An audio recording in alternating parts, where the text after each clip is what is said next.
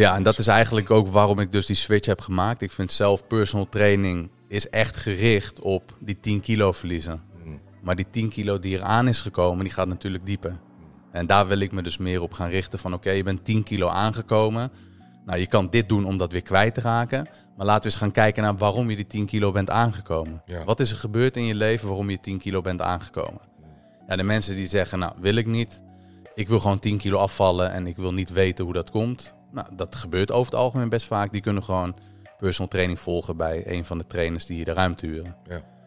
Maar als mensen meer willen weten en ook vooral die terugval niet willen hebben, ja, dan kunnen we die diepte in gaan duiken. En dan zie je ook gewoon dat mensen eh, wat zelfliefde tekort komen. Dat mensen dus die erkenning niet hebben gehad. Of misschien een baan hebben of een relatie hebben waar ze niet blij mee zijn. En daardoor eigenlijk zichzelf wegcijferen. Ja, En niet helemaal lekker in hun vel zitten. En het gevolg daarvan is dat ze slecht voor zichzelf zorgen. ja, En het gevolg daarvan is, is dat ze aankomen. ja. Kijk, daar ben ik meer in geïnteresseerd. In gewoon dat hele verhaal. Dat we gewoon alle kaarten op tafel gooien. En zorgen ook gewoon dat iemand niet nog een keer in die situatie komt. Waarbij als het niet zo goed met diegene gaat, die zichzelf gaat straffen. ja. Daar komt het een beetje op neer.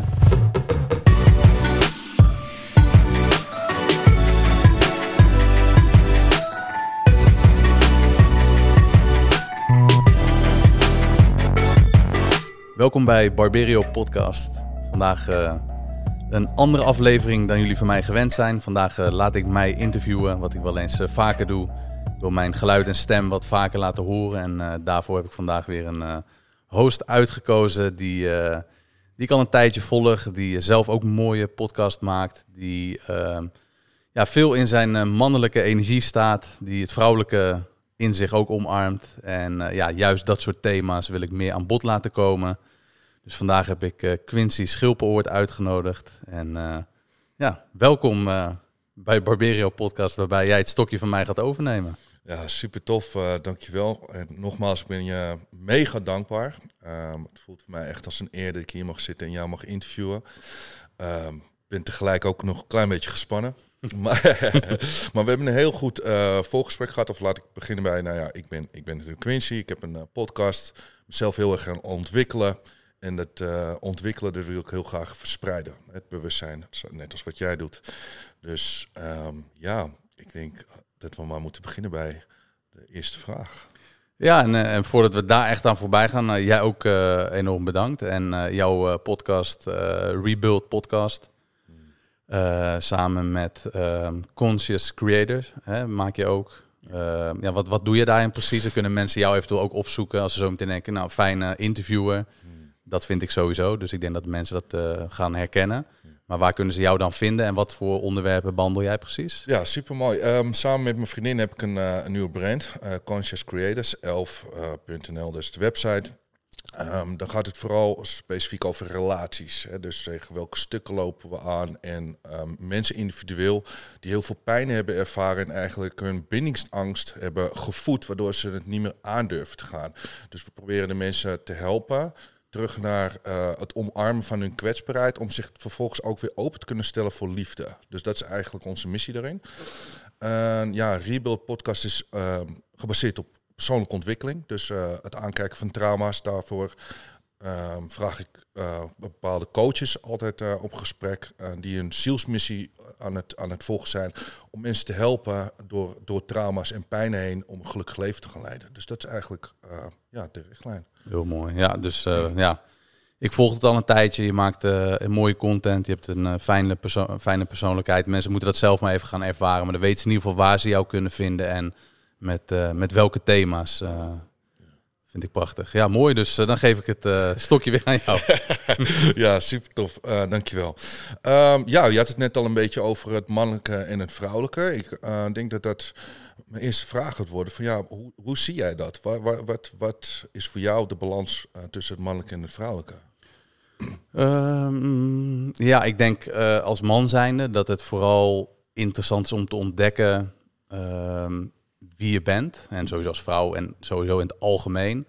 Maar in die mannelijkheid ehm, denk ik dat veel mannen ehm, ja, veel op kracht doen. En veel echt vanuit die mannelijke energie. En die mannelijke energie, dat is voor iedereen weer anders. Maar over het algemeen is dat snel in actie komen. eh, niet te lang blijven stilstaan bij, eh, ja, bij verdriet of andere dingen. Dus je gaat heel snel vooruit. Je wilt continu vooruit en je doet alles op kracht. Ik denk dat dat misschien nog wel het meest mannelijke stukje is. En dat ook ons onderscheidt van eh, vrouwen. En dat wil niet zeggen dat vrouwen niet krachtig zijn. Ik denk dat vrouwen echt enorm krachtig zijn. Alleen die doen veel meer op gevoel. Uh, dat is toch ook weer meer de natuurlijke rol van de vrouw, meer op gevoel te doen. En mannen doen veel meer op kracht. En dat stukje hebben we uh, allebei te combineren, denk ik. Dus ik denk dat 90% op ja, kracht of vanuit de mannelijke energie uh, moet komen. En dat 10% uh, vanuit de vrouwelijke energie er mag zijn. Dus ehm, toen ik jong was, deed ik eigenlijk alles vanuit macho gedrag en, en erkenning. En ja, niet goed genoeg voelen. Mm. En je doet alles op kracht. En, en Tibor zegt het ook heel mooi. Als je alles op kracht doet, dan gaat uiteindelijk alles kapot. Ja. Want soms uh, vereist iets dat je daar even moet, eh, bij moet stilstaan. Dat je daar over je gevoelens moet praten. En ik denk wel dat het voor mannen belangrijk is om daar niet te veel in te verdwijnen. Wat soms ook wel weer het andere uiterste is. Ja. Dus denk een, een goede balans tussen kracht en uh, vooruitstrevend zijn. En uh, het, het zorgen van of het bouwen aan iets. Dat dat echt die mannelijke energie is. En dat dat er ook gewoon 10% ongeveer moet uitgaan, gemiddeld genomen. Het werkt voor iedereen anders, maar voor mij is dat zo. Uh, en denk ik ook dat het voor de meeste mensen, of mannen geldt, dat ze 10% ook hun vrouwelijke kant moeten omarmen. Dus ja, zich af en toe gewoon laten verzorgen, door soms over die gevoelens te praten, door je kwetsbaarheden te laten zien. Want genoeg mannen hebben emoties, maar het gaat dan meer om het stukje kwetsbaarheid laten zien. Ja. En ja, zodra je dat dan weer gaat doen, want ik denk dat de mensen die dus de mannen vooral die heel erg in die mannelijke energie zitten en dat vrouwelijke niet toelaten, ja, vanzelf wel gaan merken dat het zo niet werkt, dat dingen kapot gaan. Ja. Spullen of relaties of dat de emoties ja, veel te intensief zijn en eigenlijk niet, uh, nou, niet op een handelbare manier uh, in je leven zijn. Ja. En ja, dan ontdek je dat dat, stukje echt omarmd moet worden om dus een gezond en gelukkig leven te leiden. En dat je niet te veel ja, uh, dat de overhand moet laten krijgen. Omdat er ook genoeg mannen zijn die ja, eigenlijk niet meer in beweging komen. En niet meer ja, letterlijk en figuurlijk in beweging komen. Niet sporten, niet op hun eten letten. Uh, niet aan het bouwen zijn. Niet uh, zorgen voor anderen. Ja. Ja, dat, daar moet je natuurlijk ook niet naartoe willen. Dus Ja. Dat, ja, dat in balans krijgen, denk ik dat je ongeveer moet denken aan 90-10 regel. Ja. Ja. ja, mooi. Denk je dat ehm, bij veel mannen een, een struikelblok is dat ze te veel in een ego blijven hangen, waardoor hun ehm, ja, leven zeg maar minder kwetsbaar blijft en ja, misschien een stukje onmogelijk? Ik denk dat bij heel veel problemen die we dagelijks ervaren, ego een hele grote rol speelt. Ook hierbij is weer een stukje balans, want het ego vormt je, het maakt je wie je bent. Uh, maar het zorgt ook voor soms dat we te lang vasthouden aan het ego van wie we dan zijn geworden uiteindelijk. En dat we zeggen, ja, zo ben ik nu eenmaal en uh, mensen moeten mij maar omarmen. Ik denk dat het heel mooi is als ja, je je ego goed kent en ook weet wanneer het heel erg opspeelt. En wanneer het de overhand krijgt, dat het dan goed is om, om daar even kritisch naar te kijken. Om te zeggen, ja, dit is nu echt het ego dat spreekt. Ja. En ja, ik, ik laat het er weer even zijn. Ik mag er gewoon zijn en ja, misschien het innerlijk kind in je dat niet gehoord wordt, waardoor het ego dan gaat, gaat schreeuwen. Als een, als een kind aandacht nodig heeft, dan gaat hij dat bij de ouders halen. Ja. En als hij dat niet krijgt, dan gaat hij dat op een wat minder prettige manier doen. Of hij gooit wat kapot en dan krijgt hij wel die aandacht. En ja, dan gaat het op een negatieve manier. Maar als het kind geen aandacht krijgt, of moet kiezen tussen geen aandacht krijgen of negatieve aandacht, zal het kind altijd kiezen voor negatieve aandacht in plaats van geen aandacht. Ja. En ik denk dat het ego ook zo werkt. Als je dat niet te veel aandacht geeft, gaat het wat harder schreeuwen. Van hé, hey, luister, ja, ik, ik, ik ben er ook en je moet me niet vergeten, want met het ego kun je ook dingen bereiken. Ja. En het is ook een deel van je identiteit. Alleen het moet niet te veel de overhand krijgen, waardoor je heel hard gaat schreeuwen.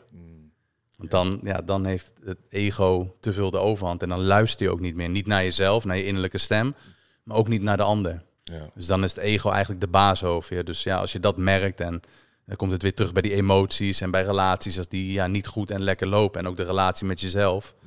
En je merkt dat het zich uh, uit op een ongezonde manier. Ja, dan weet je dat het ego misschien te nadrukkelijk aanwezig is. Ja.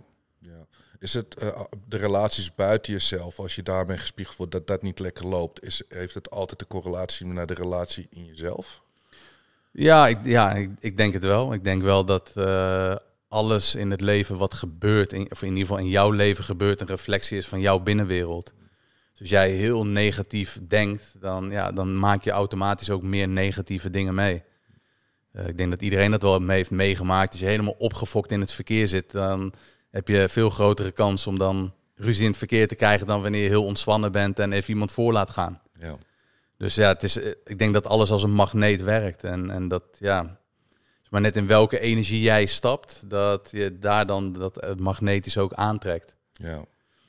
En ik denk dat iedereen dat wel ervaren heeft. Dus hoe lekkerder jij in je vel zit, hoe meer positiviteit je in je leven krijgt.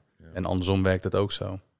Ja, ik denk ook dat het een stukje perceptie is. Ehm, in ieder geval vanuit mijn beleving is dat op een gegeven moment... ehm bedacht ik voor mezelf van oké, misschien dat die man in het verkeer die me de ene keer opfokt... ehm, wel gewoon haast heeft om naar het ziekenhuis te gaan. Dus als je je perceptie verandert, dan hoef je eigenlijk helemaal niet boos te worden voor, op diegene die zich anders gedraagt in het verkeer. Ja. Dus die mindset, denk ik dat het ook heel erg helpend is in, in, ehm, ja, in je leven. Zeker. En dat is ook gelijk de grootste uitdaging. Wat, wat vaak gebeurt, is dat wanneer jij je heel goed voelt, dan gaat dat eigenlijk aan je voorbij. Want je, je bent dan bezig met jezelf. Als jij je goed voelt, dan heb je vaak de aandacht op jezelf. En als je je slecht voelt, dan is de aandacht meer op de buitenwereld. En dan kijk je naar wat er om je heen gebeurt. Ehm, dus het, de kans is, denk ik gewoon, het is niet wetenschappelijk onderbouwd, maar het gevoel heb ik heel erg dat ja, wanneer jij je goed voelt, dat je gewoon minder van dat soort situaties meemaakt. Maar het is ook wel weer een mooie uitdaging dat ja, wanneer jij je slecht voelt, om dan zo positief te kunnen denken. Want dat is natuurlijk een beetje het conflict wat je dan hebt. Op het moment dat jij je slecht voelt, ben je niet bezig met spiritueel zijn of met een positieve mindset. Je denkt, ja, fuck it, al die, al die lessen die ik nu heb geleerd, die boeien me nu even wat minder. Je, ja, je kan het je wel voorstellen. Ja, Ik denk de mensen ook dat ja, wanneer je gewoon niet lekker in je vel zit en dingen zitten gewoon even tegen en je hebt een rotdag, ja, dan denk je ook, weet je wat, al die boeken die ik heb gelezen, die podcast die ik heb geluisterd, die boeien me nu gewoon even niet. ja, Maar daar ligt juist de uitdaging om dan dat grootste gebaar vooral richting jezelf te maken.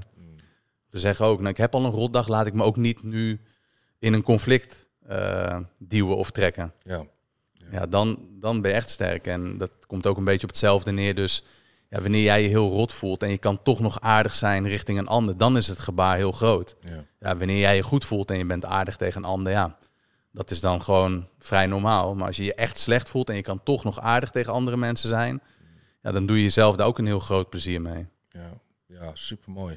Ja, ik merk dat je ontzettend veel wijsheid in je hebt. Dus eigenlijk wil ik het iets persoonlijker nog maken. Ehm, want we hebben het een stuk over het ego. Hoe, heeft het, hoe ben jij bewust geworden van je eigen ego? En wat, wat zat daaronder? Ja, dat is een eh, ja, mooie. Ehm, ja, op de harde manier. Hè, daar hebben we het daar eerder ook al even over gehad. Ehm, dingen leer vaak op de harde manier. Dus ik ben eh, heel vaak op mijn bek gegaan. Ik heb ontzettend veel conflict in mijn leven gehad. Grootste conflict met mezelf vooral. Daar kwam ik later achter dat dat het grootste probleem was. Maar eerst word je dus, wat je net ook zei, continu gespiegeld door relaties, door vriendschappen, door werk. En ik had op een bepaalde, of in een bepaalde periode in mijn leven had ik overal conflicten. Thuis, op werk, met vrienden, met familieleden, met echt letterlijk iedereen. En ik had toen niet door dat dat toch ergens in mij zat. Want ik was ja, tegen de hele wereld, zo voelde het een beetje. En ehm, ja, dan zit je op een vrij donkere plek, want de dingen lopen niet zoals dat je wilt. En je hebt dan niet per se door hoe het dan gaat. Van denk 16 tot 25 of zo, die leeftijd. Dat, dat is vooral echt een eh, moeilijke periode geweest. Want dan ja, ben je echt aan het ontwikkelen van jongen tot man. En dan verwacht de wereld ook een beetje dat je verantwoording neemt voor je gedrag. Maar daar was ik nog niet helemaal klaar voor. En ik was ook niet achter waar ik het nu moest zoeken. Ik wist dat er een hoop niet goed ging. En ja, ik ging dat vooral in ongezonde dingen zoeken uiteindelijk. Want ergens had ik ook een bepaalde behoefte. Ik wilde erkenning, ik wilde goed genoeg, eh, me goed genoeg voelen. Ik wilde toch verbinding ook op een bepaalde manier. En eigenlijk op de plekken waar ik het het hardst nodig had, kon ik dat niet krijgen. En niet omdat ik dat niet wilde, of ouders niet, of vrienden niet, maar meer omdat ja, niemand weet zo goed wat ze daarmee moeten. En je leeft gewoon het leven. En vooral onze generatie is heel veel bezig met persoonlijke ontwikkeling. Eh, Dus ik ging het eigenlijk buiten mezelf zoeken met ongezonde relaties, ongezonde vriendschappen, eh, steeds fanatiek en FC Utrecht, om daar mijn erkenning te halen en me wel goed genoeg te voelen, want daar paste mijn eh, situatie toen heel goed bij. En ja, dan kom je toch wel achter dat als je dan naar huis gaat na een dag, dat je dan heel leeg bent. En dan voel je dan dat het nog steeds niet goed is op het, op het juiste spoor. En ja, na de zoveelste relatie die dan misgaat, of de zoveelste ruzie met vrienden en uh, gedoe thuis, dan op een gegeven moment ga je, ga je toch wat kritischer naar jezelf kijken, omdat je dan iedereen al een keer de schuld hebt gegeven. En daar ligt het antwoord niet. Ja. En ja, je wordt toch wat volwassener en op een gegeven moment leer je dan ook om wat kritischer naar jezelf te kijken. Want ja, dat, dat bewustzijn dat wordt steeds iets groter naarmate je ouder wordt. Um, ja, en je ervoor open staat. Dus ik denk dat ik ergens ook vooral open stond voor een andere uitkomst, alleen niet wist hoe. Hmm. En door gewoon dingen aan te nemen van mensen, uh, ja, gewoon social media in te zetten, ehm, steeds nieuwe mensen te ontmoeten en mezelf gewoon proberen te blijven ontwikkelen. En ik denk ook vooral dat mijn werk als personal trainer daarbij heeft geholpen. Hmm. Want daarbij ben je natuurlijk steeds, uh, ja, word je verantwoordelijk gehouden om, om een rolmodel in een zekere zin te zijn. En ja daarbij uh, ja, heb je een bepaalde verantwoording naar de klanten toe en naar mensen toe. En soms kan het heel erg helpen om andere mensen te gaan helpen. En veel mensen zullen dan zeggen van nee, je moet eerst bij jezelf beginnen voordat je anderen kan helpen. En ik ben het daar niet mee eens. Want ik heb heel veel geleerd door andere mensen te helpen. Terwijl ik daar zelf nog niet misschien het beste in was. Ja. Dus ja, er zijn veel. Ik, ik weet dat dit iets is wat veel op internet gezegd wordt. Hè, van nee, je moet zelf echt een. Uh, een, eh, een profvoetballer geweest zijn om mensen voetbal te kunnen coachen. Of een, eh, een bodybuilder geweest zijn om een bodybuilder te coachen. ja, ik ben daar niet mee eens. Want soms kun je iets makkelijker uh, aan een ander overbrengen dan, dan bij jezelf. Ja. Zo heeft het in ieder geval voor mij gewerkt. Dus ik ben mensen gaan helpen. En terwijl ik mensen aan het helpen was, uh, spiegelde mij dat ook heel veel. Dus zij hadden bijvoorbeeld moeite met ja, met hun caloriebudget. En ik had weer bijvoorbeeld moeite met mijn geldbudget om dat bij te houden. Ja. Dus zo ging dat een beetje spiegelen. En door anderen te coachen heb ik zelf ook gewoon heel veel geleerd. Ja. En ja, ook gewoon van mensen die misschien wat verder waren in het leven. Dus ik denk uh, ja, dat je gewoon moet openstaan voor een andere houding. En, en vooral zelf kritisch moet uh, kijken. En ja, om die hele, dat hele lange antwoord op jouw vraag van hoe ik mijn ego eigenlijk als het ware heb ontdekt, is dat dat ik op een gegeven moment wel merkte dat ik toch wel misschien narcistische trekjes had. Mm. En heel egocentrisch was, omdat ik me niet gehoord voelde. Ik voelde me niet gezien, ik voelde me niet goed genoeg. Mm. Dus ga je het op een ongezonde manier proberen af te dwingen. Eh, in relaties, uh, ja, met je familie en mm. met vrienden. En dan probeer je altijd maar je zin te krijgen, omdat je je dan gehoord voelt of gezien voelt. Ja. Uiteindelijk voel je dat dat ook niet het gat invult wat je dan hebt opgelopen in je leven. En door dat gat dan op een gegeven moment te erkennen, ja, weet je dat, ja, dat je misschien dat uh, ego iets kritischer moet gaan aankijken. Dus ik denk dat in die fase tussen 16 en 25 wel voor mij dat uh, grote bewustzijn een beetje tot stand is gekomen en nu nog steeds doorwerkt, uh, nu ik 36 ben. Ja. dus dat, dat gaat eigenlijk altijd wel door. Ja. Maar gewoon de grootste doorbraak is vooral door echt veel zelfkritisch te zijn. Heb je nooit echt een heel dieptepunt bereikt, zeg maar, dat je echt dat je, dat je letterlijk op de grond lag en dacht van nou, nu ben ik echt pijnhoop. Ja, jawel. Ik denk uh, ja, in 2013 ongeveer, dus ja, tien jaar geleden. Hmm. Toen ging eigenlijk voor mijn gevoel alles goed. Ik uh, werkte 40 uur als uh, fitnessinstructeur. Hmm. Ik uh, werkte daarnaast 10 uur als personal trainer. Dus ik, ja, geld ging goed. Motorrijbewijs gehaald. Zomer was in volle gang. En ja, je bent eigenlijk gewoon veel aan het vluchten voor de realiteit. En eh, de relatie die ik toen had, liep ook niet helemaal lekker. En ja, in de kern liep eigenlijk alles niet lekker. Maar ik kon vluchten in motorrijden, in werk. Mm. alcohol, na nou, periode ook wel gebloot. Ehm, dus dan kom je eigenlijk weg met, uh, met, met ja, waar je dan eigenlijk niet zo comfortabel mee voelt. En je kijkt het vooral niet aan. En door ja, op de vlucht te gaan, kun je ermee leven. Toen op een gegeven moment uh, werd ik ontslagen, relatie ging uit. En uh, toen ja, heb ik me wel een tijd ja, depressief gevoeld of voelde ik me wel echt depressief. En toen kwam ik wel echt achter dat dat, uh, ja, vooral op die leeftijd ook. Ik denk, ja, toen was ik denk 5, 26. Hmm. En ja, dan, dan denk je wel van shit. Dit is, ja, ik moet eigenlijk wel wat bereikt hebben. Sommige mensen in je omgeving hebben al kinderen, hebben een succesvolle baan, zijn gelukkig, denk je dan. Ja. Social media kijk je natuurlijk ook veel op. Dus zie je bij andere mensen hoe het allemaal gaat. En uh, bij mij, ja, geen baan. Ik, uh, ik, wist, ik wist het allemaal even niet meer. Dus toen moest ik eigenlijk weer echt vanaf nul gaan beginnen. En ik had toen wel gelukkig wat goede mensen om me heen. Ik kon gelukkig ook, uh, ja, weet je wel, terugvallen op, op mijn ouders. Um, En vrienden die zeiden ook van ga door, want ik wilde echt stoppen met personal training. Het was echt het moment dat ik dacht van ik ben er klaar mee. Ik heb, ik heb er geen zin meer in op deze manier. En toen waren er toch mensen in mijn omgeving die zeiden nee ga door en eh, je bent goed bezig. En ik zag het zelf eigenlijk niet, maar ik heb me een beetje laten overtuigen. Dus ik stond wel open voor een andere uitkomst. Alleen ik had het niet meer in mijzelf. Dus ik moest het echt buiten mij zoeken, die motivatie. Ja. Ja, soms, soms is dat dus gewoon nodig. Ik denk dat we allemaal wel eens mensen om ons heen hebben die ons even het setje de goede kant op uh, geven. Zeker. En zo, zo, zo, ben jij dat ook. En zo ben ik dat soms ook voor andere mensen. En het is fijn om daar af en toe op te kunnen terugvallen. En toen ben ik toch doorgegaan. Toen ben ik echt ja, een beetje door gaan pakken.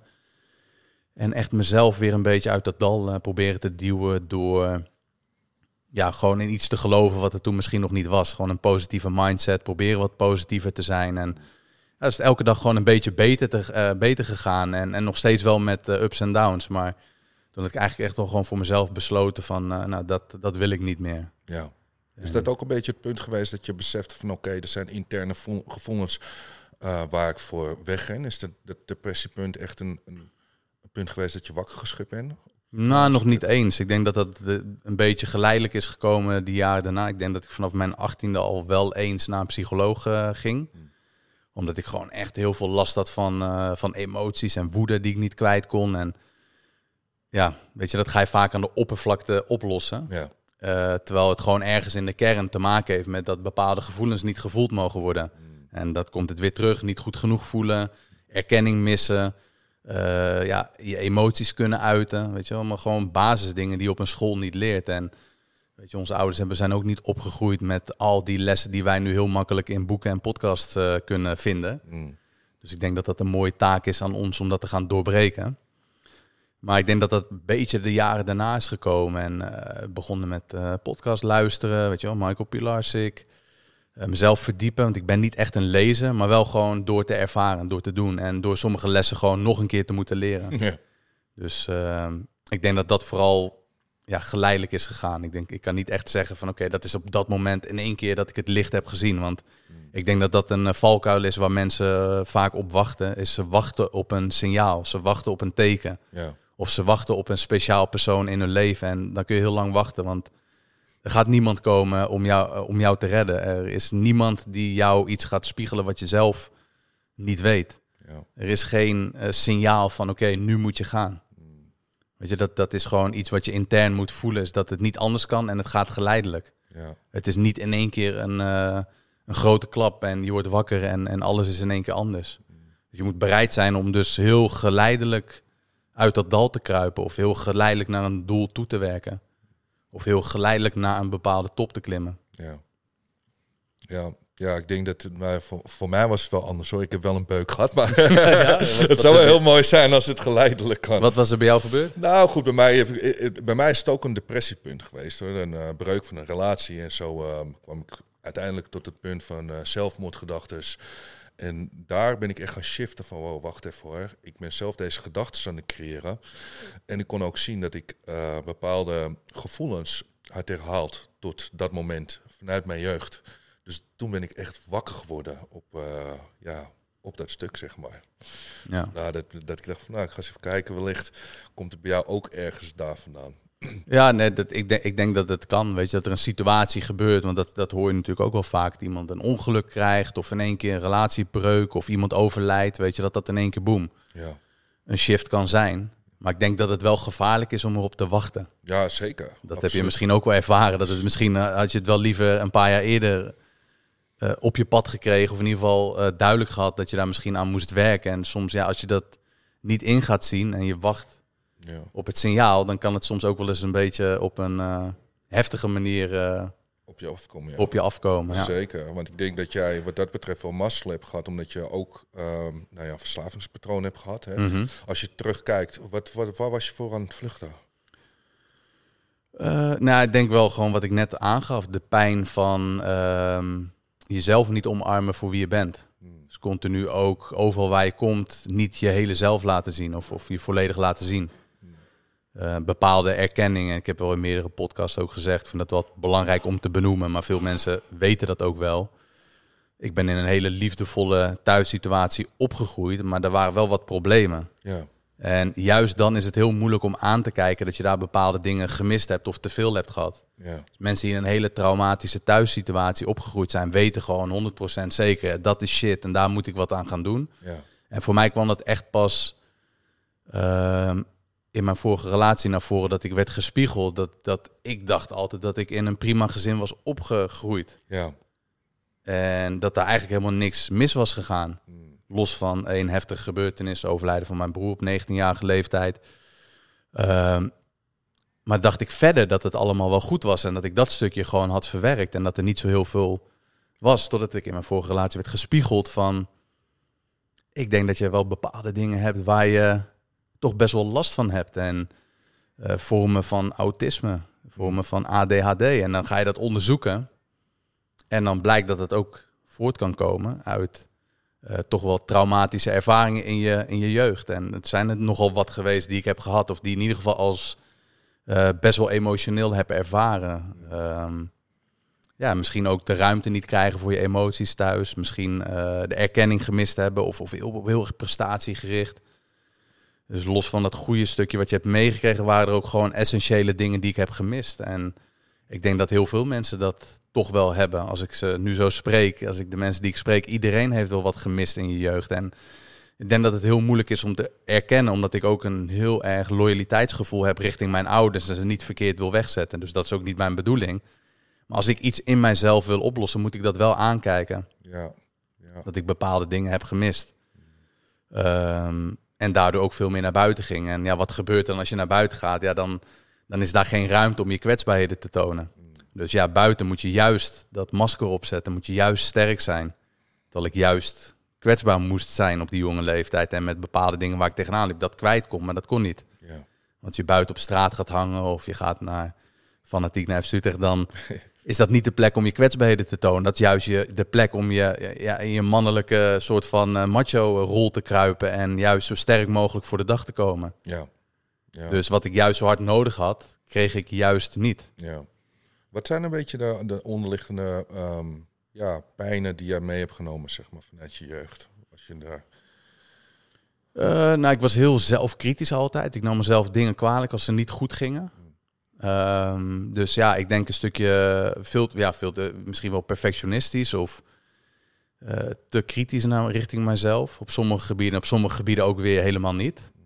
Ehm, echt mezelf omarmen vooral. Dat is eigenlijk de grootste opluchting die ik in mijn leven heb meegemaakt, is mezelf omarmen. En ik denk ook dat daar dan ook gelijk de grootste pijn is geweest de afgelopen tijd. Want ehm, ik vind het heel moeilijk om andere mensen teleur te stellen. Dat past gewoon bij wie ik ben. En ja, het leven ja, is gewoon voor een heel groot gedeelte andere mensen teleurstellen. Als je zelf gelukkig wilt zijn, Ja. dan ben je continu mensen aan het teleurstellen. En ja, ik denk dan dat je misschien van huis uit niet hebt meegekregen dat een ander zijn pijn kan dragen of zijn lot kan dragen. We zijn heel zorgzaam van huis uit. Dus daarmee ja, neem, ontnemen soms ook iemand de kans om zijn eigen lot te dragen. Of zelfzorg te dragen voor iets wat je dan niet leuk vindt. Als ik iets eh, ja, niet prettig vind en ja, je zou het dan zeggen, dan kunnen mensen dat heel persoonlijk nemen. Dus daar had ik dan, dat is dan weer het andere uit. Je kan heel zorgzaam zijn en heel veel voor anderen willen doen. En het gevaar daarvan is, is dat je jezelf even vergeet en op de tweede plek zet. Ja. Of ja, eh, anderen niet teleur wilt stellen. Dus daar zit wel heel veel pijn achter. Is dat je dan uiteindelijk zelf ja, andere mensen eh, ja, tevreden houdt, maar jezelf niet. Ja. En ja, als je dan op een gegeven moment jezelf echt omarmt voor wie je bent. En dan ook weet dat je anderen af en toe teleur gaat stellen. Dat anderen ja, soms ook in je nabije omgeving jou niet meer leuk vinden en, en dat accepteert. Dan valt er wel echt de, de grootste last van je schouders af. Het wil niet zeggen dat het makkelijk is. Ik vind het nog steeds moeilijk om mensen teleur te stellen. Maar ik vind het nog moeilijker om, eh, om niet voor mezelf te kiezen uiteindelijk. Ja. ja, ik denk dat je ook daarmee een beetje het proces van een ander afpakt. Hè, door, ehm, ik, vergelijk het altijd met een kind die leert lopen. Dat zijn de mensen om ons heen ook. Zonder te vallen leren ze ook niks. Dus ja, wat doen we dan eigenlijk? Wat houden we daarmee aan stand? Hè? Ja, precies. Ik heb dat ook wel vaker eh, behandeld. En ja, dat, dat proces, wat je zegt ook, is, ehm, is, is dat in de basis is dat een stukje ego wat meegaat. En ehm, dat gaat over ons. Dus als ik jou inderdaad wil behoeden voor een val, dan gaat het over mij. Ja, En terwijl het vanuit gedachte liefdevol is, is het toch egoïstisch. Want ik kan dan het gevoel niet dragen dat als jij valt, dat, ja, dat ik jou dan in pijn kan zien. Ja, ja mooi. Dus dat, dat, is, dat is het uiteindelijk. En ja, ik denk dat, dat je daaraan gewoon blootgesteld moet worden. Als je dat niet beheerst, is er maar één weg. Dat is gewoon recht er doorheen. Ja, En ik heb zelf geen kinderen, maar ik denk dat het, ja, jij wel, dat het heel moeilijk is als je ehm, ja, je kinderen ziet lopen of fietsen en vallen. En dan het liefst zou je ervoor duiken en denken van, hé, hey, ik breek die val, want dan heeft mijn kind geen pijn. ja, Nee, wat, je, wat je zegt, heel mooi, is dat je iemand anders de kans ontneemt om te groeien van die val. ja, ja, ja. Dat is het mooi. Ja. ik had je net ook in het voorgesprek eigenlijk een beetje gehoord over een eh, stukje bewijzingsdrang. Ehm, ja, waar is dat, waar is dat stukje, waar, ja, waar manifesteert zich het, het zich nu, zeg maar? Nu gelukkig een stuk minder, maar ja, tot, eh, tot aan een paar jaar geleden was dat wel heel stellig. Van, en dat begint natuurlijk ook weer bij niet goed genoeg, je niet goed genoeg voelen. Ja, En je alleen goed genoeg voelen als je een bepaalde prestatie neerzet. En om er dan vervolgens achter te komen als je die prestatie hebt behaald, om dan ja, daar eigenlijk helemaal niet zoveel bij te voelen. En eigenlijk alweer direct met de volgende prestatie bezig te zijn. En de laatste tijd heb ik vooral gemerkt dat ik daar heel moe van werd om, eh, om mezelf niet goed genoeg te voelen en daarnaar te handelen. En steeds harder daarvoor te werken en dan uitgeput thuis te komen. ja, Eh, om ja, mezelf te omarmen. Dat is denk ik vooral het belangrijkste voor wie ik ben. En voor de mooie kanten en ook de minder mooie kanten. En dat geeft dan een enorme opluchting. En nu ja, kies ik er juist voor om dus minder te doen. En minder prestatiegericht, maar meer gericht op, op gevoel. Waar word ik echt blij van? Waar word ik echt gelukkig van? ja, En soms houdt dat dan in minder presteren. Qua ja, dingen bereiken als het ware. Maar ja, aan de andere kant, als je gevoel volgt, bereik je ook hele mooie dingen. Ja. Maar dan komt het echt uit mijzelf. In plaats van mensen laten zien wat ik wel niet allemaal in huis heb. ja, ja, Terwijl dat nog steeds wel belangrijk is om een bedrijf te runnen. Maar dan is het ego wat meer gekalmeerd en wordt gehoord. En innerlijk kind in mij, die heeft gewoon een plek gekregen. En die mag zich af en toe laten horen. En dan luister ik. ja, Het lukt ook lang niet altijd hoor, maar dat is in de basis nu wel, wel wat er beter gaat, waardoor ik die bewijsdrang nu gewoon een stuk minder heb. Ja, ja, want ik denk dat best wel veel mannen tegen dit stukje eh, aanlopen, tegen deze struggling. Eh, waar, waar, waar is dat voor jou eh, vandaan gekomen? Voor wie, voor, wie, voor wie heb je die bewijzingsdrang? Naar wie? Is? Ja, de grootste, weet je, de, de man voor wie de meeste jongens zich willen bewijzen, natuurlijk je vader. Ehm, kijk, mijn vader komt uit Zuid-Italië, gezin van elf kinderen. Zijn vader heeft eh, ook in de oorlog gevochten, acht jaar lang van huis geweest. Waarvan ja, zijn vrouw en toen net geboren dochter niet wist of hij nog zou terugkomen. Ehm, ja, en gaat vervolgens nog tien kinderen maken en die opvoeden op een boerderij in Zuid-Italië. En daar moest gevochten worden voor een beetje aandacht van, eh, van de ouders. Hè, als je met elf kinderen. Dus ja, dat, dat stukje neemt hij natuurlijk ook mee. En hij dacht, ik ga gewoon twee banen hebben, zodat mijn kinderen alles krijgen.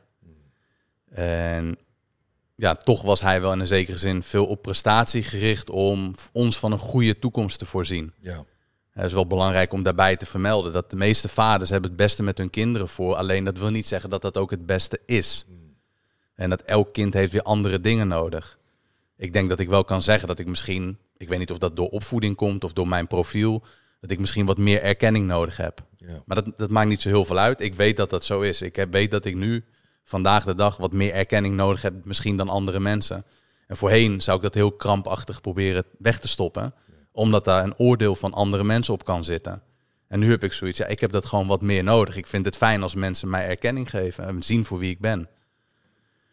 Eh, maar goed, daar komt dat bij mij vandaan, is dat ehm, ik een hele goede relatie heb met mijn vader en wel bepaalde dingen heb gemist. ja, Eh, bijvoorbeeld met voetbal, dat voorbeeld gebruik ik vaker als ik gevoetbald had. En ja, als spits zijnde, ik heb vroeger bij de KNVB gezeten, dus misschien zit daar ook wel een bepaalde droom van een vader bij. Van nou, misschien breekt hij nog ooit door en hoe cool dat wel niet zou zijn.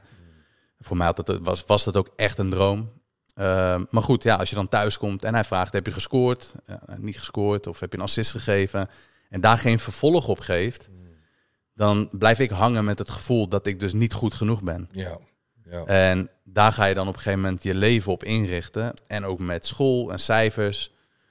Dat, ehm, je merkt ook wanneer je goede cijfers haalt dat het goed gaat. Maar wanneer minder goede cijfers, dat daar niet goed op wordt gereageerd. En ik denk dat het een hele begrijpelijke reactie is van ouders. Maar goed, daar loop, loop je als kind echt wel wat deukjes op. Ja.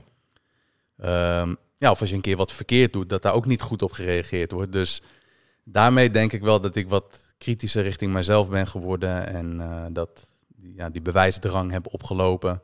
Meer erkenning eh, nodig ben gaan hebben. En dan vervolgens eerst even helemaal de verkeerde kant op gegaan.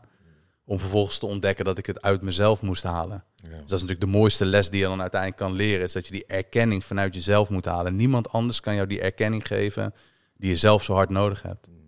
ja, mooi. Als ik jou nou vraag, als jij straks een zoon hebt, wat zou jij dan anders doen? Ja, ik denk toch wel eh, veel aanwezig zijn. En, en het is nu natuurlijk een beetje makkelijk, eh, makkelijk scoren als het ware. Want het is niet... Ja, en je leert er ook weer van. Maar ik denk wel dat ik gewoon echt... eh, ik heb al de hele tijd, al jaren... Zoals van een relatie terug heb ik de woensdagmiddag vrijgenomen. Dan wil ik er gewoon zijn. Ehm, ja, niet alleen aanwezig, maar als wanneer ik echt aanwezig ben, wil ik ook iemand de 100% aandacht geven. Ik denk dat ik met mijn vorige en vorige relaties dat wel heb geleerd. Is dat je kan een hele week thuis zijn en vervolgens niet echt aanwezig zijn. En je kan één dag echt aanwezig zijn en dan echt luisteren, echt oprecht geïnteresseerd zijn. En de podcast heeft er natuurlijk ook bij geholpen. Ja. Echt gewoon willen weten, wat gaat er nu in iemand om? Ja. Waar zit je nu mee? En dan zonder oordeel. Want dat is ook iets wat ik in mijn leven best wel veel heb gehad. Oordeel over andere mensen. En dat zegt natuurlijk vooral een hoop over mijzelf. Maar zonder oordeel, luisteren, een kind zichzelf laten zijn, er gewoon voor zijn. En waarschijnlijk ga ik ook nog heel veel dingen verkeerd doen. Maar dat zijn even de dingen die dan in mij opkomen. Is door, door er gewoon te zijn en veel tijd door te brengen samen. En vooral ook een harmonieuze thuissituatie vind ik wel heel belangrijk. Eh, ja. Dat Ja. het een fijne plek is om te zijn. Ja. En bij mij thuis was dat niet altijd zo. Soms wat ruzie en was gewoon, ja. En mijn broer is ook wel met de politie in aanraking. En dan is een thuissituatie niet altijd een eh, fijne plek om te zijn. Dus ik was liever soms buiten dan thuis. En ik denk dat het bij mij, eh, wil ik dat juist andersom hebben. Dat, dat ja, Ja. kind of kinderen die wij krijgen, dat die dan een hele fijne thuisplek eh, hebben. Waar ze gewoon zich thuis en op hun gemak voelen. Zichzelf kunnen zijn, geliefd voelen. ja, mooi. Ja, Een beste vriend zijn. zeker. Ja. Ja, heel nice. Ja. Hoe ben jij, het, ehm, want je hebt het nu heel veel over kwetsbaarheid natuurlijk. Ehm, ja, hoe, hoe ziet dat er voor jou uit? En waar is dat voor jou veranderd? Want ik hoor je ook over een aantal voorgaande relaties. Mhm. Ik neem aan dat je het nu anders doet. Wat, wat als ik het mag vragen, Tuurlijk, wat doe je ja. nu anders? En wat Ja. is dan die kwetsbaarheid? Eh, uitkomen voor, voor wie ik ben. Uitkomen voor wat ik vind. En, en uitkomen voor vooral als ik iets niet goed doe. Dat, is, dat de laatste is het allermoeilijkste. Daarmee ga je natuurlijk ook een. Dat is, dat is het meest kwetsbare wat je kan doen. Is erkennen dat je iets niet goed hebt gedaan. En dat je daarmee een ander pijn hebt gedaan. En dat dat niet gelijk het einde is van een relatie. Dus ik denk dat dat wel een beetje gaat richting verlatingsangst. Is dat als je iets niet goed doet, je daarmee eh, het risico loopt dat een ander bij je weggaat. Ja. Dus ja, en dat, dat voelt wel gewoon, ja, in het begin de eerste keren dat je dan echt gewoon zegt, ja, sorry, dit heb ik niet goed gedaan. Voelt dat heel eng en voelt dat heel spannend. En ja, misschien weten mensen dat het voor, voor het eerst in de achtbaan gaat. Ja, je gaat in een achtbaan, je weet niet wat er gebeurt en je weet niet of je het overleeft. Ja. Vaak komt het wel goed. maar het is wel vooral heel eng op het moment dat je in die situatie zit.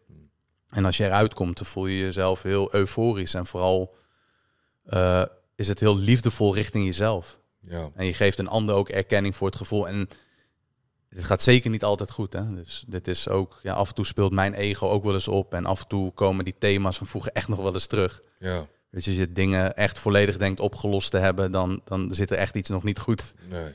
Weet je, je zwakke plekken blijven altijd terugkomen en blijven altijd wel een zwakke plek. Alleen het komt wat minder sterk naar voren. En als het er mag zijn, dan is het ook wat handelbaarder. Mm. Ja, want ik kan me heel goed voorstellen dat je onveilig hebt gevoeld in de veiligheid die er is, in, de, in, het, in het kwetsbare eigenlijk. Voor mij was dat geen optie. Nee, voor mij was het geen optie om die kwetsbaarheid te tonen. Omdat ik me dan inderdaad zo onveilig voelde. En misschien kwam er ook wel een stukje bij kijken weer van niet goed genoeg voelen. En weet je, dat is sowieso al heel moeilijk om ja, echt 100% jezelf te zijn als je begin 20 bent. Want dan begint het leven pas echt eigenlijk. Dan ga je pas echt ontdekken wie je bent en vooral wie je niet bent. Ja, Ik denk dat je vooral ontdekt wie je bent door te ontdekken wie je niet bent. ja, ja, mooi. En, en ja, ik heb zoveel dingen gedaan die ik niet ben, waarvan ik wel dacht dat ik het was. Ja, ja, En daarmee heb ik echt vooral geleerd wie ik wel ben. ja.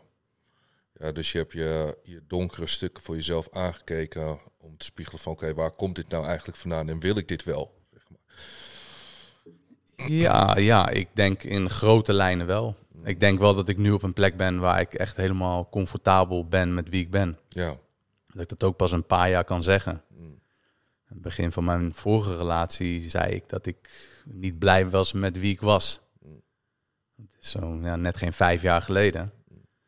En een aantal jaren daarna was ik wel echt blij met wie ik was. Kon ik echt in de spiegel kijken en zeggen: Ik ben blij met wat ik zie. ja, En ik ben blij met wie ik ben.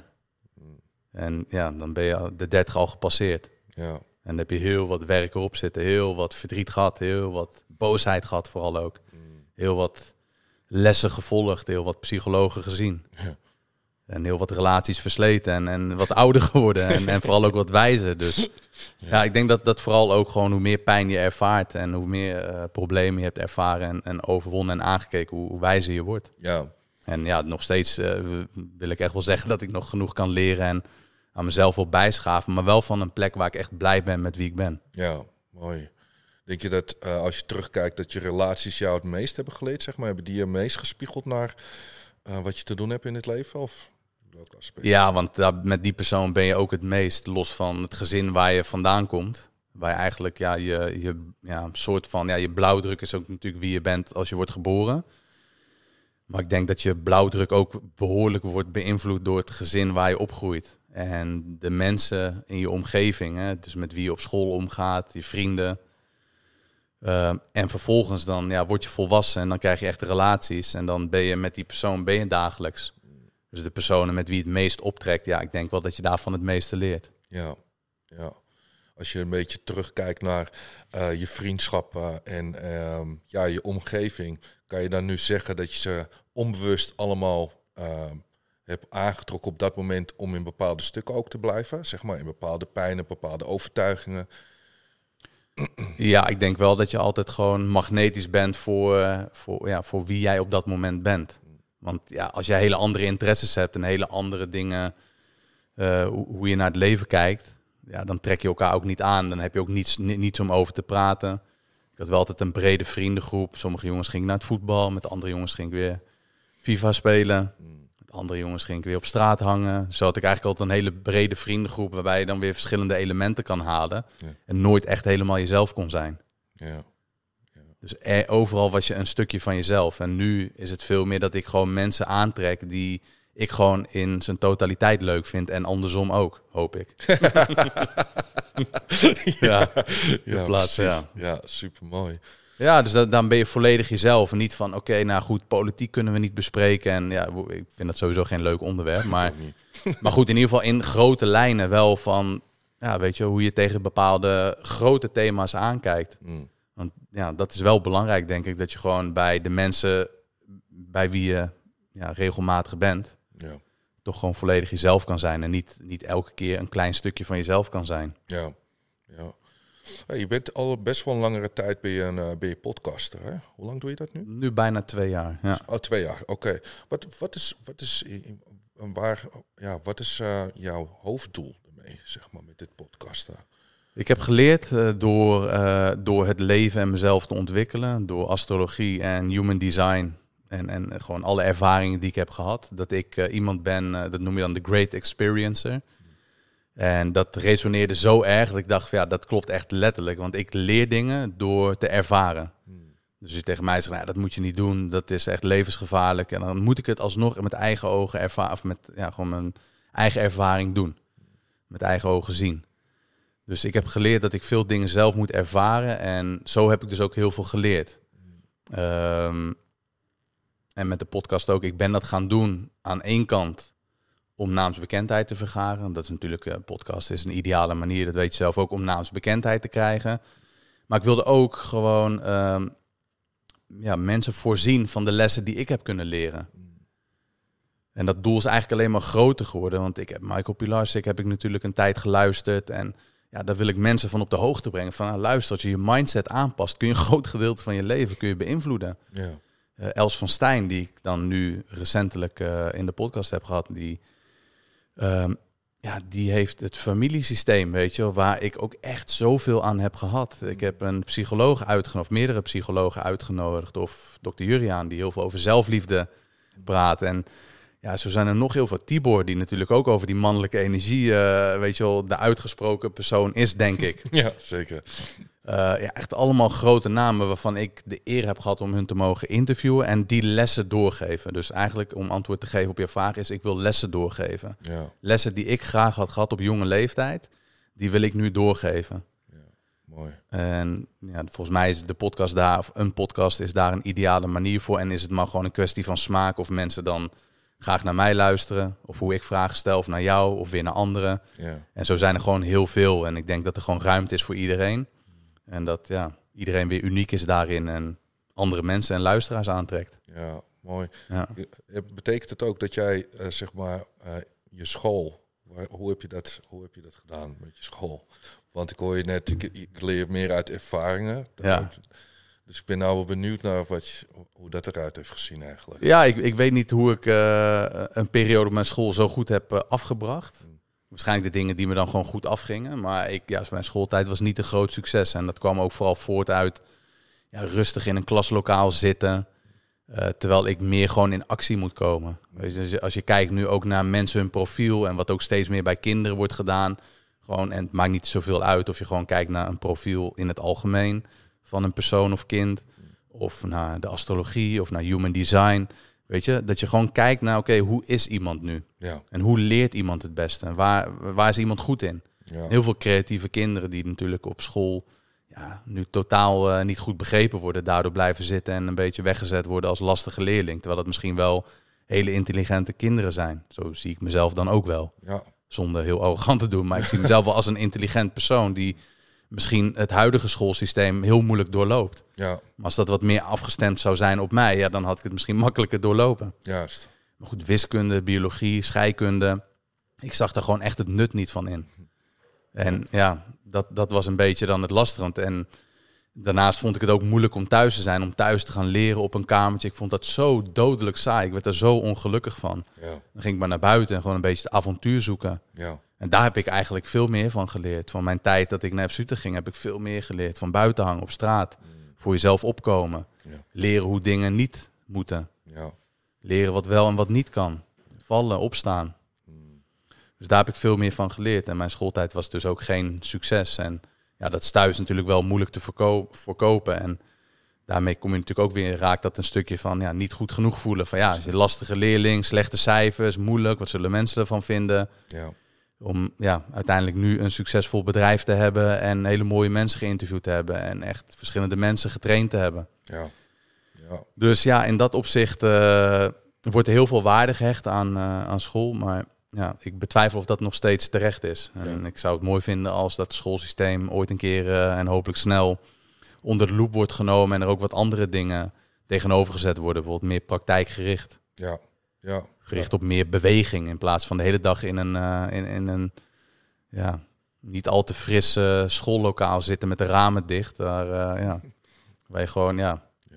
je dood verveelt. En ja, Ja, ja, super interessant, want hier herken ik mezelf ook in. Ik ben ook helemaal geen kei geweest op school.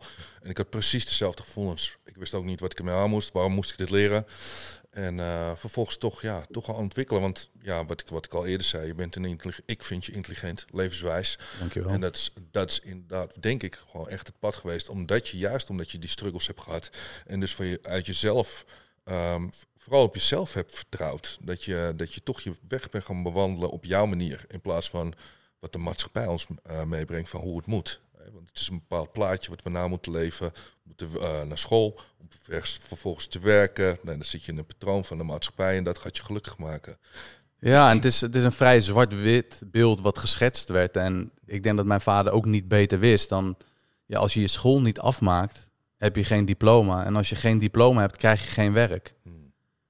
En ik denk dat dat doemscenario ook best wel begrijpelijk is. Je niet beter weet. Ik, de periode dat wij naar school gingen, zo'n 20 jaar geleden inmiddels alweer. eh langer en, en misschien eh, iets korter nog. Maar ja, toen was dat beeld er ook wel. Want als je ging solliciteren bij een bedrijf, vroegen ze naar je papieren. Ja, klopt. En nu, ja, ik denk dat de meeste jongens eh, die nu op school zitten, ik wil niet zeggen van nou ga, ga zo snel mogelijk van school af, maar vertrouw wel op je eigen kunnen. Want als er geen bedrijf is wat jou aanneemt en je hebt toch bepaalde skills, dan kun je altijd een eigen bedrijf opzetten. Zeker. Dus ik, eh, als ik dat had geweten, en mijn vader had ook een eigen bedrijf, een eigen judoschool. Hmm. Die was daar ook heel succesvol in. Ja, hij heeft, hij heeft nog minder school gedaan, heeft nog niet eens de basisschool afgemaakt. Is naar Nederland gekomen, sprak de taal niet. Is ook succesvol geworden. Ja. Ja, en dat het moeilijker is, ja, oké, misschien wel. Maar goed, wie zegt dat moeilijker soms niet beter is? ja, precies. Al die moeilijkheden in mijn leven hebben geleid tot iets moois. Ik ben blij dat ik die moeilijkheden heb gehad. Ik ben juist zelfs dankbaar voor alle moeilijkheden die ik in mijn leven heb gehad. Omdat het mij sterker heeft gemaakt dan bijvoorbeeld iemand die weinig moeilijkheden heeft, heeft gehad. Ja. Ik kan juist mensen helpen en mensen nemen dingen van mij aan, omdat ik die moeilijkheden heb overwonnen Ja. en heb aangekeken. Die tegenslagen maken mij sterker. Dus ja, ik denk dat soms het voorkomen van een, een moeilijk leven juist eigenlijk een hele slechte zaak is. Mm. Laat het maar moeilijk zijn. Ja, ik denk dat eh, nou ja, je bent het leven bewijs dat je juist door je struggles een eh, enorm levenswijze man bent. Waar je, en je hebt een hele brede interesse naar eh, ja, wat het leven ons te brengen heeft. Denk je dat, ehm, dat er ook een stukje, hè, met je podcast, toch ook nog eens steeds een stukje zegt van, nou ja, ik wil gezien worden, zeg maar. Zit er Tuurlijk, nog steeds? tuurlijk. Ja, maar nu, zou ik, nu spreek ik het uit. Ja, dat is het grootste verschil. Het mag er gewoon zijn. Ja, Tuurlijk vind ik het heerlijk als die views omhoog gaan, dat die likes binnenkomen. Mm. En ook daar rust weer een taboe op. Dat mensen zeggen, oh, je mag het niet voor de likes doen. Nou ja, tuurlijk vind ik dat lekker. Want het is ook een bevestiging van dat ik mijn werk goed doe. zeker. En er zit een stukje ego bij. Mm. Ik vind het leuk om gezien te worden. Ik vind het leuk als mensen mij een compliment geven.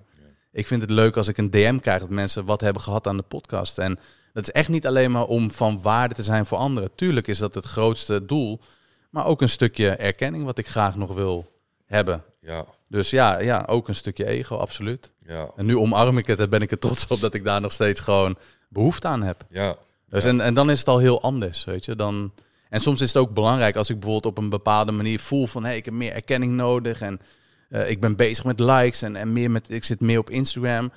Dan, dan weet ik weer wat ik nodig heb. Ja. Dan ga ik het niet extern zoeken. Dan weet ik van, oh, wacht even. Ik, ik mag wel wat liever voor mezelf zijn. Weet je wat, ik ga een dagje naar de sauna, ik neem een dagje vrij. Of eh, ik ga even lekker naar de zonnebank. Of ik geef mezelf iets waar ik gewoon blij van word. Of ik ga lekker een hapje eten.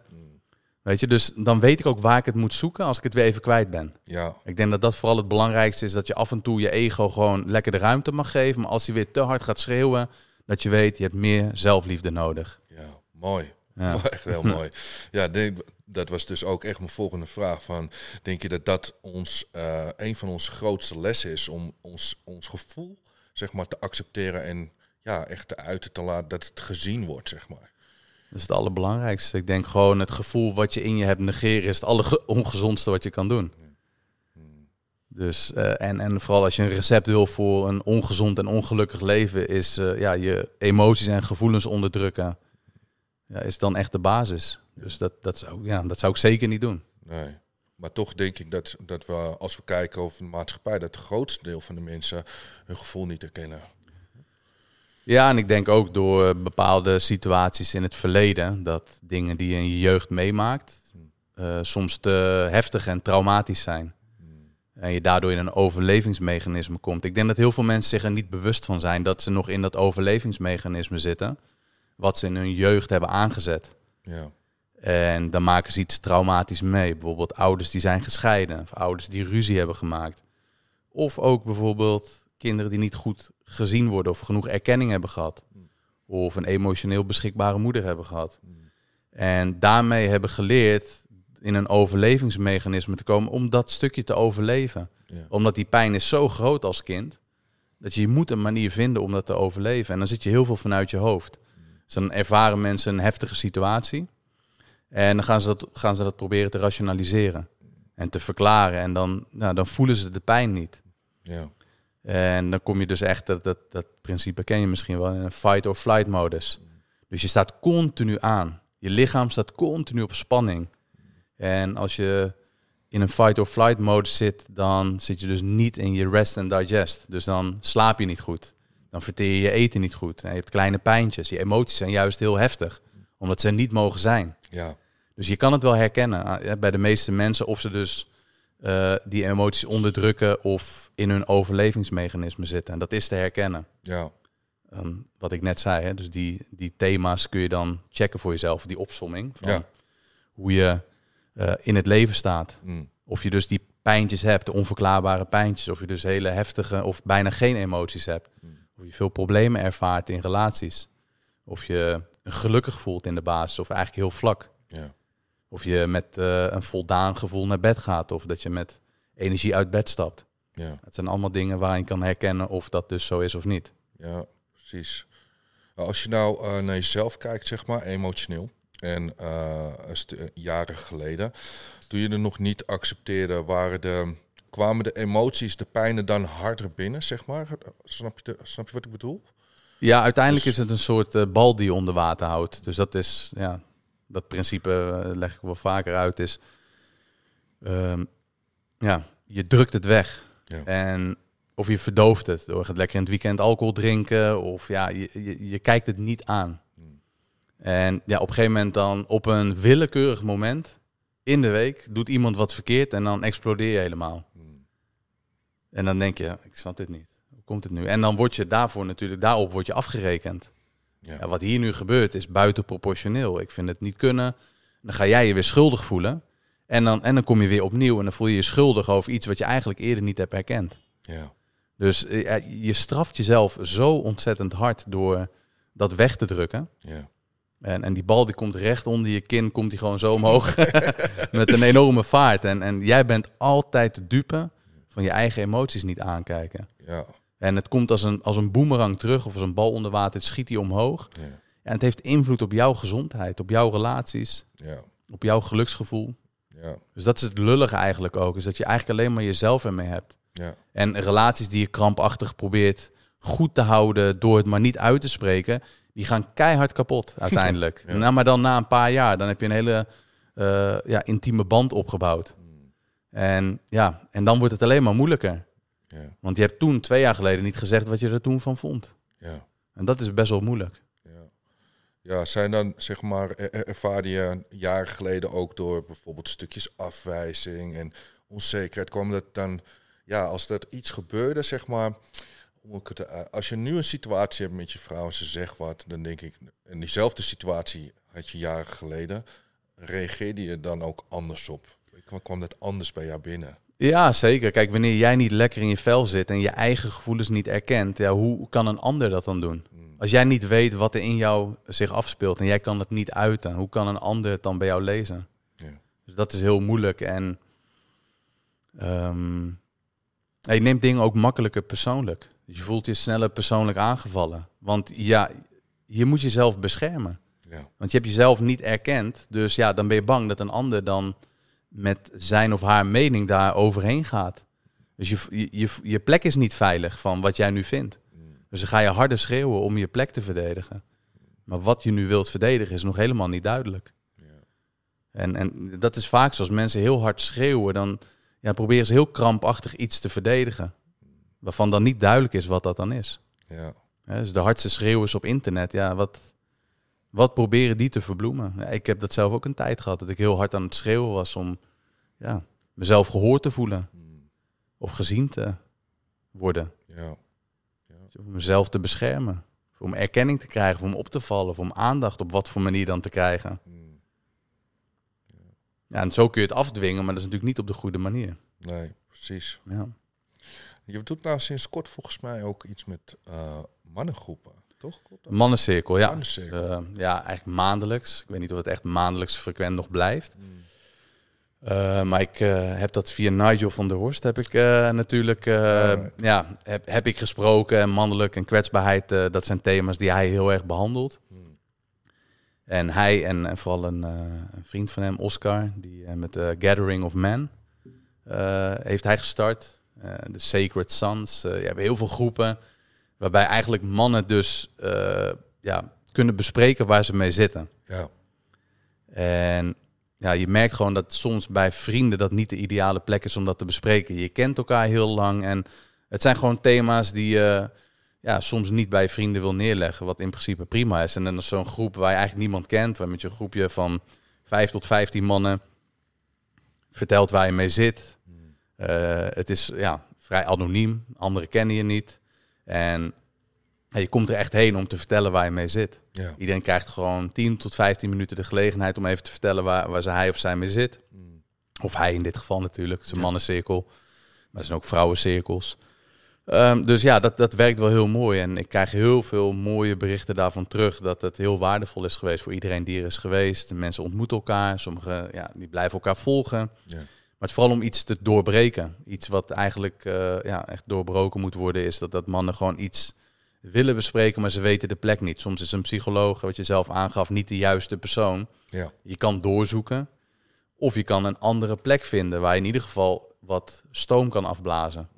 Ja, en daar is dat dan een uitgelezen mogelijkheid voor. Dat je op een plek waar je niemand kent, toch een deel van je last kan delen met anderen. Ja, nou, wat voor type mannen, en daar bedoel ik mee, zijn het allemaal over het algemeen al bewuste mannen? Of zijn het juist mannen die graag naar meer bewustzijn of kwetsbaar- kwetsbaarheid wil, willen werken? Wat- Ja, het is heel uiteenlopend. Echt, echt, dat is wel heel bijzonder eigenlijk. Echt heel verschillende mensen die al echt eh, ijsbaden, ayahuasca hebben gedaan, familiesystemen, die echt alles hebben meegemaakt. En bijvoorbeeld andere mannen die misschien net aan die reis beginnen. Ja, ja. En misschien wat minder hebben meegemaakt. Dus het maakt eigenlijk niet zo heel veel uit. Mm. Het is eigenlijk gewoon voor elke man die, die, ja, die open staat voor verandering en voor verbetering. Ja, mooi. En ik denk dat vooral niet de nadruk te veel moet liggen op dat we daar uren met z'n allen eh, gaan zitten huilen. Want daar gaat het natuurlijk niet om. Nee, Maar je moet iets eigenlijk doorgaan, gaan doorbreken. ja, Het praten over waar je mee zit. Dat is denk ik het belangrijkste thema. ja, Praat over waar je mee zit. Als man zijn heel belangrijk. En voor vrouwen geldt hetzelfde hoor. ja. Het is echt niet zo dat elke vrouw makkelijk uit waar ze mee zit. Mm. En dat, dat gaat oplopen en dat gaat tot problemen leiden. Ja. Grote problemen. Zeker. Zijn het over het algemeen mannen die ehm, eh, ja, het ook moe- moeilijk vonden, of in het verleden of tot nu, om met mannen te verbinden, zeg maar? Dat die liever met vrouwen verbonden, daar kwetsbaar konden zijn, maar niet met mannen? Ik denk dat de meeste mannen toch wel makkelijker met een vrouw over hun kwetsbaarheden praten. Omdat bij mannen natuurlijk een beetje dat het haantjesgedrag heerst. Ehm, ja, en dat juist ook omdat soms dan met andere mannen waarbij de verwachting is dat er haantjesgedrag heerst. Dus juist ook om met stoere mannen dat te bespreken. Dat dat weer extra waardevol kan zijn. Ik denk dat, dat het, dit voorbeeld gebruik ik wel vaker. Dat wanneer je in een film eh, ja, een hele stoere man ziet. Ehm, ja, die, die echt die, dat macho gedrag uit. En wanneer hij dan een traantje laat om een kind of om een dier, weet je wel. Dat we dan allemaal helemaal stuk gaan. Omdat dat dan gewoon, dat raakt ons allemaal gewoon zo goed. Dat is het mooiste wat er is. En natuurlijk raakt dat ook een stukje, is dat we bij, bij onze vader dat stukje ook graag zouden willen zien. Weet je, een stukje kwetsbaarheid. Gewoon even een keer erkennen dat, iets, dat je iets niet goed kan. Klein beetje kwetsbaarheid tonen. Juist van die man die dat zo weinig doet, is het mooiste wat er is. En vrouwen zijn over het algemeen gewoon wat makkelijker in die kwetsbare rol. Ja, Dus daarvan is het misschien vanzelfsprekend dat de mannen hun kwetsbaarheden makkelijker bij vrouwen tonen. Maar het is juist mooi als je dat dus bij andere stoere mannen kan doen. ja, mooi. Omdat het dan juist minder vanzelfsprekend is, is het juist mooi. Ja, ja. ja heel mooi. Ja. Ik denk dat je daarmee een eh, behoorlijk eh, taboe doorbreekt. Ja, ook dat. Want dat is het natuurlijk ook. Ja, je hebt misschien de filmpjes wel gezien eh, van, van echt wel gewoon grote gasten die hier komen en wat kleinere gasten. Een hele gemixte groep. eh, tattoos, gespierd, trainen. Eh J-Way is er ook geweest, weet je. Dus dat, dat dan allemaal alleen maar mooi voor, voor die rol. En het maakt niet zoveel uit waar het gebeurt, als het maar gebeurt. Ja, En dat dat het belangrijkste is. Als jij je comfortabel voelt om dat in een mannencirkel te doen, prima. Ik eh, bied mental coaching aan. Ook eh, goed, weet je, kun je één op één sessies doen. Je kan naar een psycholoog. Je kan het in je omgeving bespreken. Maar als er maar wat gebeurt, als je maar ergens terecht kan. Ik denk dat dat het allerbelangrijkste is. ja, en ik denk dat het ook belangrijk is dat een man, in ieder geval als ik eh, kijk naar mezelf, dat we ons veilig moeten voelen ergens. Hè. En ik denk dat als ik, nou ja, goed, eh, jou een beetje analyseer, kan ik me heel goed voorstellen dat mannen zich veilig bij jou voelen, zeg maar. Ja, dat, dat denk ik. Ja, anders zou, zou dat ook niet. Kijk, ik probeer dat hier ook te creëren. eh, en vooral ook het oordeel weg te laten. Ook zelf mijn kwetsbaarheden te tonen. Uh, niet uh, te doen alsof ik het allemaal al weet en het bij mij allemaal goed gaat. Dus ja, ik, ik hoop dat ik dat neerzet in de podcast, in de mental coaching sessies of ja, met de mannencirkel. Dus ik denk, ja, ik denk dat dat wel heel belangrijk is. Dat het sowieso een plek is waar geen oordeel is. En ook al heb je bijvoorbeeld vrienden die makkelijk oordelen, kun je dat ook gewoon neerleggen. Kun je ook gewoon zeggen, jongens luister, dat oordelen, misschien moeten we dat gewoon even een keer achterwege laten. Want als ik deed het oordelen, dan voel ik me ook niet vrij om dingen te delen waar ik mee zit. Ja. Ja, hoe krachtig is dat? Ja, En hoe waardevol is dat als je bijvoorbeeld vrienden hebt die je misschien al 10, 20 jaar kent. En dat je dan op het punt staat van oké, ik dit voelt niet meer goed. En je kan dan twee dingen, of nee, je kan drie dingen doen. Of je laat het zo, of je verbreekt de relatie, of je gaat het gesprek aan. Ja. En het mooiste van dat laatste is om het gesprek aan te gaan, is dan leer je pas je echte vrienden kennen. Of iemand dus emotioneel intelligent genoeg is en echt die bereidheid heeft om die vriendschap gewoon naar een volgend level te tillen om te zeggen, je hebt gelijk, laten we er wat aan doen. Of weet je wat, ik vind dit moeilijk, hoe heb jij dit gedaan? Of weet je nog misschien een plek waar ik terecht kan of wat voor mij werkt? ja, Hoe mooi is dat? Want dan heb je een betere vriendschap die je dan ooit hebt gehad. zeker. Zeker. Ik denk dat, ja, hoe hard het ook is, dat de mensen die dus niet mee kunnen daarin en eh, in een oordeel eh, blijven staan naar jou, dat, je dat, dat het dan ook tijd is om dat los te breken. Ja, Uiteindelijk dat ook is. Want als ik zelf kijk naar eh, mijn eigen groei, en ik denk dat je dat zelf ook wel kent, dat ik echt fases heb gehad van bepaalde vrienden. En ja, dat ik ook heel veel vrienden achter me heb moeten laten om te komen waar ik vandaag de dag sta. ja. Dat hoort erbij. Ik denk dat dat een eh, mooi thema is wat je aansnijdt. Er zijn een aantal mensen die in ons leven passanten zijn. En een, paar, ja, een aantal mensen die gewoon echt voor de rest van ons leven bij ons blijven. En soms is dat heel moeilijk om los te laten aan iets waar je heel graag aan vasthoudt. Maar dat is die rol niet van die ontmoeting. Sommige mensen zijn er echt gewoon maar tijdelijk in je leven. En sommige mensen zijn er voor altijd. En je moet zelf wel goed beseffen is, als jij vasthoudt aan passanten, is er dus geen ruimte voor nieuwe mensen. Dus als jij wil groeien en sommige mensen houden jij op de plek waar zij jou eh, leuk vinden, dan hou je jezelf ook klein. Ja. En dan staat de deur dus niet open voor nieuwe mensen. En soms is dat heel pijnlijk om dan te zeggen, ja, maar dan laat ik ze in de steek en het schuldgevoel wat daarbij komt kijken. Maar ja, je kan, je kan daarvoor kiezen of dan uiteindelijk de spijt van blijven hangen in, op een plek waar je misschien eigenlijk al ontgroeid bent. Ja. En, en iedereen heeft dus de mogelijkheid om te groeien. Iedereen heeft de mogelijkheid om wat van zijn of haar leven te maken. Het is niet alleen zo dat het alleen voor jou is of alleen voor mij. Iedereen heeft dus de mogelijkheid om wat van zijn of haar leven te maken. Hoe, hoe slecht je het ook hebt gehad of hoe slecht je het ook op dit moment hebt. Je kan altijd meer en beter dan dat je nu doet. Zeker. Ja, en ik denk dat we nu ook weer, weer een stukje komen bij dat heel veel mensen vast blijven houden aan iemand uit een bepaalde angst. En een stukje egoïsme, wat je net al zei. En ehm, ik denk ook dat vooral die angst aangeeft dat je bang bent voor wat er daarna komt. Terwijl de angst houdt ons juist vast vaak in een comfort waar we uit mogen groeien. Als we, als we ook kijken naar bepaalde, bepaalde vriendschappen die we op een gegeven moment los mogen gaan laten. Ja, ja ik, denk, ik denk dat het, ehm, het niet doorvragen daarin eh, het probleem is. Mm. Dus is er een angst? Waar ben je bang voor? Ja, dan zullen mensen misschien zeggen ja, dat ik er dan alleen voor sta of om een ander pijn te doen. En ik denk dat het veel pijnlijker is als jij vanuit medelijden met een vriend blijft omgaan of vriendin, dan vanuit oprechtheid. Ja. Hoe pijnlijk is dat? Als, als iemand dat zou weten, zou diegene dan nog steeds met jou bevriend zijn? Van ja, eigenlijk ben ik nog in deze relatie of vriendschap, omdat ik het eigenlijk ja, lullig vind voor je. Ja, hoe hard is dat? Dus je wilt een ander geen pijn doen, maar hoe pijnlijk is dat dan? Ja, Dus als je daar dieper op ingaat, dan, dan komt het antwoord vanzelf dat je dus door moet gaan. mooi. Ja, dus, eh, of een angst ook. Ja, waar ben je precies bang voor? Ja, dat een ander mij veroordeelt. Maar dat gaat sowieso wel gebeuren. Mensen hebben nu eenmaal een oordeel. Iedereen heeft een oordeel. Ja. Ik vind ook wat van jou. Maar goed, de vraag of dat positief of negatief is, dat, dat weet je niet. Dat kun je wel vragen. Mm. Misschien zeggen, ja, echt een topgozer, maar ja, je laat me nooit uitpraten. Nou, zoiets zou het kunnen zijn, weet je wel. Dat, dat door in gesprek, maar dan ben je bang voor het antwoord. Kijk, Ja. dat is wat anders. Ja. Dan ben je bang voor wat jij zegt. Misschien, misschien vind je mij helemaal niet aardig. Oh shit, ja, dat, dat is confronterend. Maar dan kan ik er dus wel wat aan doen. Jij zegt ook, ja, je bent altijd te laat. Dat zou iemand dus tegen mij kunnen zeggen. Nu het laatste wat minder, maar dan kan ik daar wat aan doen. En dan zeg je, ja, ja, ik zou het op prijs stellen als je op tijd bent. Want dan voel ik me wat meer gewaardeerd. Want ik had in dat half uur had ik ook wat anders kunnen doen.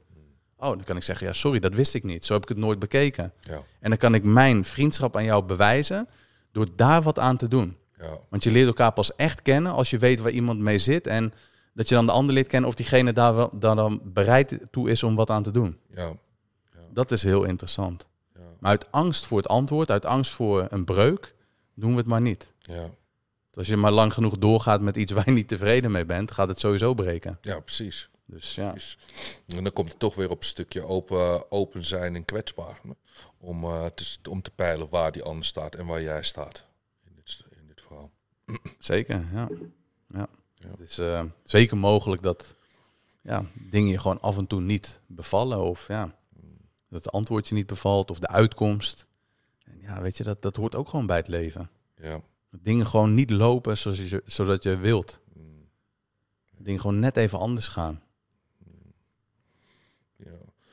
Ik heb nog wel een. eh, eigenlijk wilde ik je nog wel wat dingen vragen over je mental coaching. En, eh, Mhm. je- dit- het is best wel iets wat je al besproken hebt eh, in, in een podcast. Maar ik wilde er toch iets, ietsjes dieper nog op ingaan. Dus als je, goed, zeker. Altijd Ja. goed, ja. Want je doet, je hebt de eh, Soul Gym. Waarom, waarom heb je überhaupt eh, het Soul Gym genoemd? Het is wel grappig. Ik heb best wel veel dingen waarvan ik op dat moment nog niet echt weet wat het wordt. Hmm. Maar dan krijg ik een ingeving. En ik had toen iets van een soort boutique-achtige privé gym. Heel luxe, met misschien een sauna en andere dingen. Mm. eh, voor, ja, voor een bepaalde doelgroep. En toen dacht ik, ja, Soul Gym past daar goed bij. Ja. Toen heb ik die eh, domeinnaam vastgelegd, jaren niks mee gedaan. En toen heette mijn bedrijf nog Barberio Personal Training. Want toen was ik de enige trainer die je kon eh, inhuren hier. En toen heb ik eh, uiteindelijk eh, meerdere trainers hier eh, in moeten huren, omdat het best wel druk werd en ik had zelf geen uren meer beschikbaar. Dus dan dacht ik, ja, dan past mijn achternaam niet meer bij de gym waar je ook andere trainers kan krijgen. Ja, en ik, ik was al wel bezig met meer gewoon op basis van gevoel. Ik ben gewoon een gevoelsmens. Dus toen dacht ik, nou, eigenlijk is die naam best wel toep- toepasselijk. Maar het was meer toevallig dan dat ik echt daar een heel idee bij had in het begin. Maar later werd het steeds duidelijker van, hé, hey, wacht eens, dat is volgens mij geen toeval. Ja. En het klopt gewoon, Soul Gym. En, en nu steeds meer. Nu neem ik geen nieuwe personal training klanten meer aan. Hmm. Ik heb één ruimte heb ik nu, waar wij nu zitten, vast verhuurd aan één personal trainer, aan Michael. Die gaat Hmm. zijn droom hier nu uitbouwen. En die, die heb ik in de gelegenheid gesteld om deze ruimte vast te verhuren. Dus wij gaan zo naar een andere ruimte hiernaast. Alright. En ik ga me echt alleen richten op mental coaching. En ja, Soul Gym is gewoon, ja, weet je, het, het past gewoon bij wat ik doe. Mensen die aan zichzelf willen werken, gewoon gevoelsmensen. Ja. Mensen die openstaan voor persoonlijke groei, openstaan voor kritiek, ja, daar past het gewoon bij. Dus het is heel veelzijdig en niet specifiek.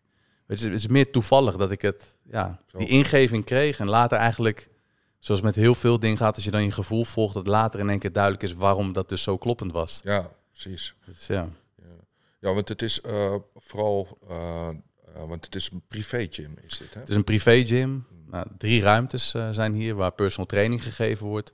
En ik, ja, ik sluit zo Soul Gym echt af naar één ruimte. Mm, Waar ik nog wel wat personal training geef aan vaste klanten. Ja. Maar eigenlijk alleen nog maar mijn agenda openzet voor mental coaching en astrologie. ja, Dus ik doe dan mental coaching voor mensen die zeggen... ja, ik zit in de shit of ik kom ergens niet uit. Kun je me daarmee helpen? ja, Ik wil wat patronen doorbreken of gewoon nu weten... waar, waar, waar gaat het nu elke keer mis? precies. Of mensen willen hun blauwdruk leren kennen door middel van astrologie. En dan, nou, dan kunnen we daar ook wat dieper eh, in duiken. Ja, want als er mensen hier al aankomen en die willen ja, 10 kilo afvallen. Eh, ik denk dat er best wel veel mensen het, eh, 10 kilo af willen vallen. Maar ze vallen toch weer vaak terug, zeg maar, in een bepaald patroon weer met eten. Noem maar op. Zit er altijd, eh, je bent een mental coach. Zit er, het ligt er altijd problematiek achter, zeg maar, bij die.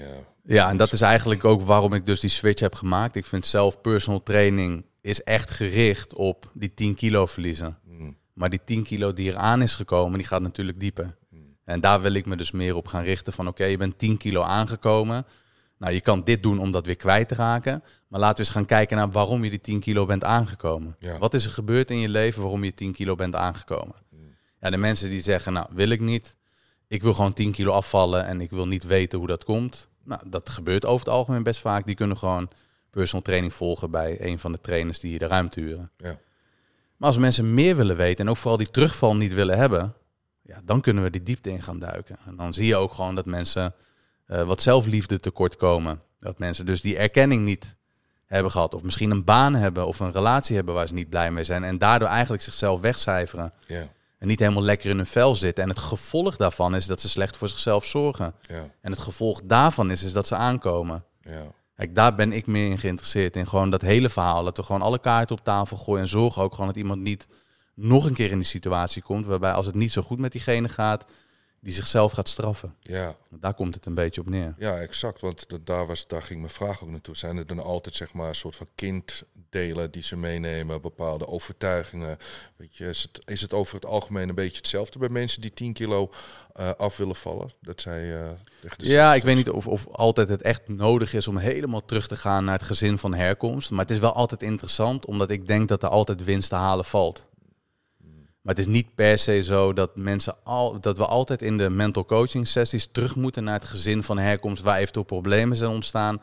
Soms kunnen mensen ook gewoon proble- problemen ervaren op werk. En we gaan vaak terug naar het moment dat dat dan is ontstaan. Mm, Dat kan zijn toen ze vijf waren, maar dat kan ook zijn toen ze 15 of 25 waren. ja, Dus ergens is er iets veranderd waardoor ze niet meer trouw zijn aan zichzelf. En dat thema gaan we dan proberen op te lossen. ja, Weer trouw zijn aan jezelf. Weer keuzes maken waar jij blij van wordt. Jezelf uitspreken voor wat je vindt. ja, En zo komt dat allemaal weer een beetje terug. ja, ja. Hebben ze allemaal ook een klein beetje een, eh, een vertekend zelfbeeld dan, zeg maar? Een negatief zelfbeeld? Ehm, nou, dat weet ik niet. Dat ligt er een beetje aan in hoeverre. ehm, ja, ik, ik, denk, ik denk uiteindelijk ergens meer dat het komt vanuit zelfliefde. Dat, dat zelfbeeld misschien, ja, zo sommige mensen weten gewoon heel goed van ja, eigenlijk ben ik wel gewoon blij met mezelf, maar ik ben gewoon 10 kilo te zwaar. Dus het hoeft niet per se heel erg in de lijn van het negatieve zelfbeeld te zijn, maar meer gewoon ehm, ja, het, het, het verliezen van voor jezelf kiezen. Ja, Die zichzelf op de tweede, derde of vierde plek zetten. Daar in die hoek zoek ik het eerder. ja, Dus ze kiezen en handelen eerder vanuit wat een ander nodig heeft dan vanuit wat ze zelf nodig hebben. Dat ze misschien bang zijn om afgewezen te worden of niet goed genoeg gevonden te worden. mm, Daar komt het dan een beetje eerder op neer. ja. En dat is eigenlijk, volgens mij komt dat ook voor bij mensen die obsessief trainen.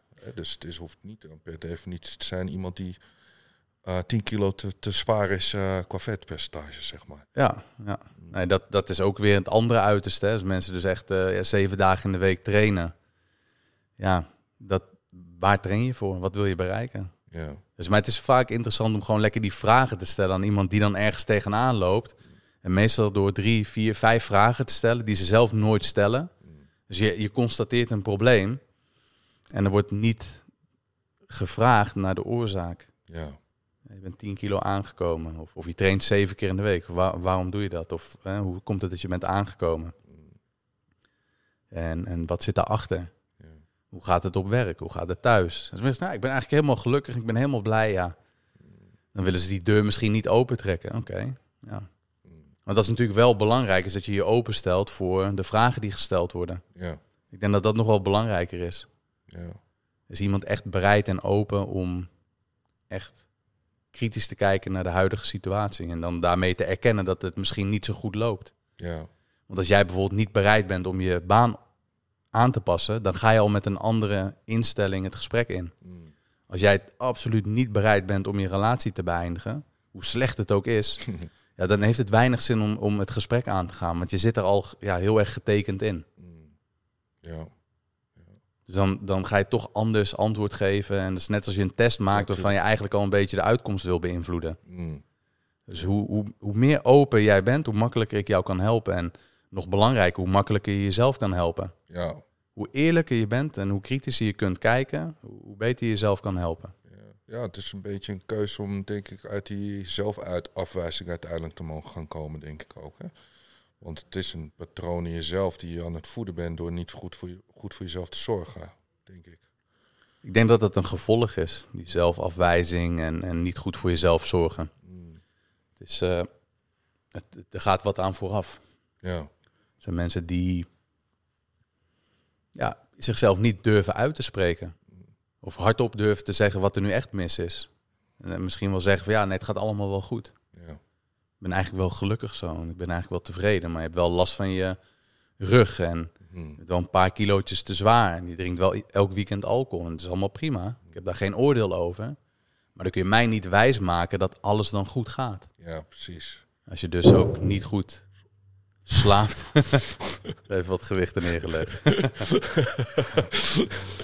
nee, maar als er dus, eh, ja, weet je, als er dus veel zaken, weet je, iemand heel heftig reageert, Mm. eh, iemand zichzelf niet uitspreekt, iemand heeft rugpijn, slaapt niet goed, Ja. eet niet goed, ja, dan kun je mij niet wijzen, maar veel alcohol drinkt. Eh, ja, relaties heeft waar je zelf eigenlijk niet heel veel plezier aan beleeft, ja. Dan kun je mij niet wijsmaken dat, dat alles dan helemaal goed gaat. Ja. Maar goed, dat, dat is dan ook niet aan mij. Dat is dan uiteindelijk de problemen die jij moet dragen. De gevolgen moet jij dragen Ja. van het niet aankijken. En dat je ook wel merken. Je kan niet iedereen helpen. Je kan alleen de mensen helpen die geholpen willen worden. En er zijn heel veel mensen die zeggen wel geholpen te willen worden. En die willen eigenlijk wel dat de situatie verandert. Maar, maar die willen niet geholpen worden in, in de basis. Nee, klopt. Je moet- staan niet open voor, voor, om, om echt het werk te doen wat gedaan moet worden. Ja. Dat- zeker. Ja, dat, dat is ook nou eenmaal de realiteit. Daar heb ik ook genoeg mensen van ontmoet. Mm. Die leggen van alles bij je neer. En die, die zeggen hoe, hoe slecht eigenlijk de dingen gaan, maar ze willen het niet veranderen. Ja. Dus wat ga je dan doen? Zeg je ook van ja, ik blijf het gewoon aanhoren. En die mensen raken elke keer weer een, stukje stress kwijt. Maar ze willen niet veranderen. Ja. Dat kennen ze allemaal. ja, zeker. Het is heel belangrijk om dan te zeggen ook van, weet je, ik denk dat je het moet bespreken met degene met wie het moet bespreken. Mm. Of ik denk dat je het probleem wat je nu hebt echt eens moet gaan aankijken. Want elke week is het weer hetzelfde probleem wat je bespreekt, maar je doet er niks aan. Ja. Ja, ja denk, is- denk ja. je dan dat als we, als, als we gewoon kijken, zeg maar een beetje in de maatschappij, dat iedereen die zich fysiek ehm, niet erg eh, goed is om zichzelf te onderhouden, dat ze, dat ze eh, mentaal ook niet helemaal in orde, of nou ja, zich niet gelukkig voelen? Of mogen we die correlatie niet maken? Ja, jawel. Ik denk dat het, eh, de mentale gezondheid eh, niet zonder je fysieke gezondheid kan en andersom. Hmm. Dus ja, ik denk zeker dat dat... Als jij gewoon lang genoeg niks aan je fysiek doet... eh, als, je lang genoeg, als jij lang genoeg niks aan je fysiek doet... dan gaat je mentale gezondheid daar vanzelf onder lijden. En andersom ook. Als je lang genoeg niks aan je mentale... Of zei ik dat net andersom? Nee, fysiek en mentaal. Ja, nu Ja. ja. Dus dat je, dat je lang genoeg niks aan je fysieke gezondheid doet, je mentale gezondheid daar ook onder gaat lijden. Ja. En andersom, ja. Mm. ja. ja. Dus ja, dat, dat, eh, dat heeft zeker eh, een verband met elkaar. En dat, dat is niet gelijk dat het tot uiting komt. Hè? Want mensen willen vaak, als ze gaan trainen, gelijk resultaat. ja. En datzelfde geldt ook voor ja, als ze heel ongezond leven. Dan denken ze van, ja, morgen, ja, ik voel me nog topfit. ja. Maar goed, wacht maar over een paar jaar, dan is de situatie anders. En dan moet je in één keer daar wat aan gaan doen. En dan is het ook niet zo dat het gelijk is opgelost door te gaan trainen. Of door anders te gaan eten. Of wel je grenzen aan te geven in situaties. Want dan heb je dus in één keer de schade. En dan heb je een burn-out. En dan voel je dat je te lang over je grenzen bent gegaan. Dat je fysieke pijntjes hebt. Dus Ja. de rekening die komt vaak pas later. En de prijs die je betaalt voor niet voor jezelf kiezen of niet goed voor jezelf zorgen. En zo werkt het ook. Dus wel goed voor jezelf zorgen en wel voor jezelf kiezen, dat, dat zich ook pas later uitbetaalt. Mm. Veel mensen willen gelijk resultaat. ja. Weet je? Ze willen niet wachten op een paar jaar trainen om er beter uit te zien. Ze willen gelijk ja. aan de middelen gaan. Ze willen gelijk resultaat. Ja, dat vind ik perso- persoonlijk de laatste tijd heel erg verleidelijk. Want je ziet best wel veel reclame eh, voorbij komen op de socials. Ik weet niet of dat het jou ook opvalt. eh, met plannen dat je binnen drie maanden gewoon echt een, een, een super topfiguur hebt. Maar ja, het is mij nog nooit gelukt. Wat, wat, Nee, ik denk dat mensen steeds meer uitgedaagd worden om zelf kritisch te denken. Mm, En zolang je zelf kritisch blijft denken, in elke, in, in de breedste vorm van, van hoe ik het zeg, hè, met de overheid, met de farmaceutische industrie, en wat, wat echt wel belangrijk is in sommige situaties, vooral bij acute zorg, maar gewoon kritisch naar, met, met, ehm, met de voedingsindustrie. Als jij niet zelf kritisch denkt, en ja, de Nutri-score op een zak chips zag ik staan was B. Ja, ja en, en daar, daar gaat bij jou geen lampje branden. Ja, dan wordt het heel lastig als je jezelf kritische denken niet genoeg traint. Want dat is misschien wel het belangrijkste wat je moet trainen. Eh, zo gewoon kritisch blijven denken, dingen op de proef stellen. Als je denkt eh, in drie maanden een gigantisch resultaat te bereiken... wat je in tien jaar lang hebt afgebroken, hè, je lichaam... en dat wil je in drie maanden weer opbouwen. Ja, hoe realistisch is dat? ja. Als je een, eh, een salescursus ziet eh, waarbij je een miljoen kan verdienen met eh 100 euro inzet en binnen drie maanden op Ibiza denkt te wonen. ja. Is, ja, ik, ik, ik weet niet of als je dat dan gelooft, of dat dan eh, ja, of het heel veel zin heeft om daar echt eh, veel tijd aan te besteden. Ja. Ik denk dat het gewoon een verantwoording ook bij jezelf ligt om jezelf in te lezen. Om vooral je intelligentie te benutten. Om je niet te makkelijk te laten verleiden door dat soort eh, ja, verleidingen. Ja. Het is heel verleidelijk om te zeggen, nou weet je, even de snelle manier. Ja. Ja, dat, dat is denk ik misschien nog wat het allerbelangrijkste. De, ehm, alle dingen die het waard zijn in het leven, die, eh, die kosten moeite. En ja, de dingen die het niet waard zijn, of tenminste, de, nou, dat zeg ik even verkeerd. Ehm, alle dingen die moeilijk zijn, die zijn de moeite waard. En alle dingen die makkelijk zijn, die zijn de moeite niet waard. Dus dat is uiteindelijk een hele belangrijke, weet je. Alles wat ja, met moeite komt, dat is vaak de moeite waard. En dan moet je hard voor werken en dat kost een paar jaar. En als je het dan bereikt hebt, ben je heel blij. En dingen die heel makkelijk komen aanwaaien, ja, dat is ja, vaak niet zo heel bijzonder. Nee. Dus mensen die ook denken met een kraslot, oh, dan word ik miljonair en daar, daar heel gelukkig van te worden, ja. Gaat hem niet worden. Heel belangrijk. En als je zelf gewerkt hebt om miljonair te worden, dan pas wordt het. Dat, ja, dat is pas echt waar je van geniet. En dat gaat dan over geld. Mm. Vind ik niet eens het belangrijkste. Het is heel belangrijk, maar laat staan over je persoonlijke groei. Ja. Als je denkt met een ayahuasca-ceremonie in één keer gewoon al je trauma's te verwerken, ja, heel veel succes. Maar dat is het niet. Daarvoor is het niet. Nee. Het is om licht. Ja, jij hebt het gedaan volgens mij. Hè? Ja. Ja. dat klopt.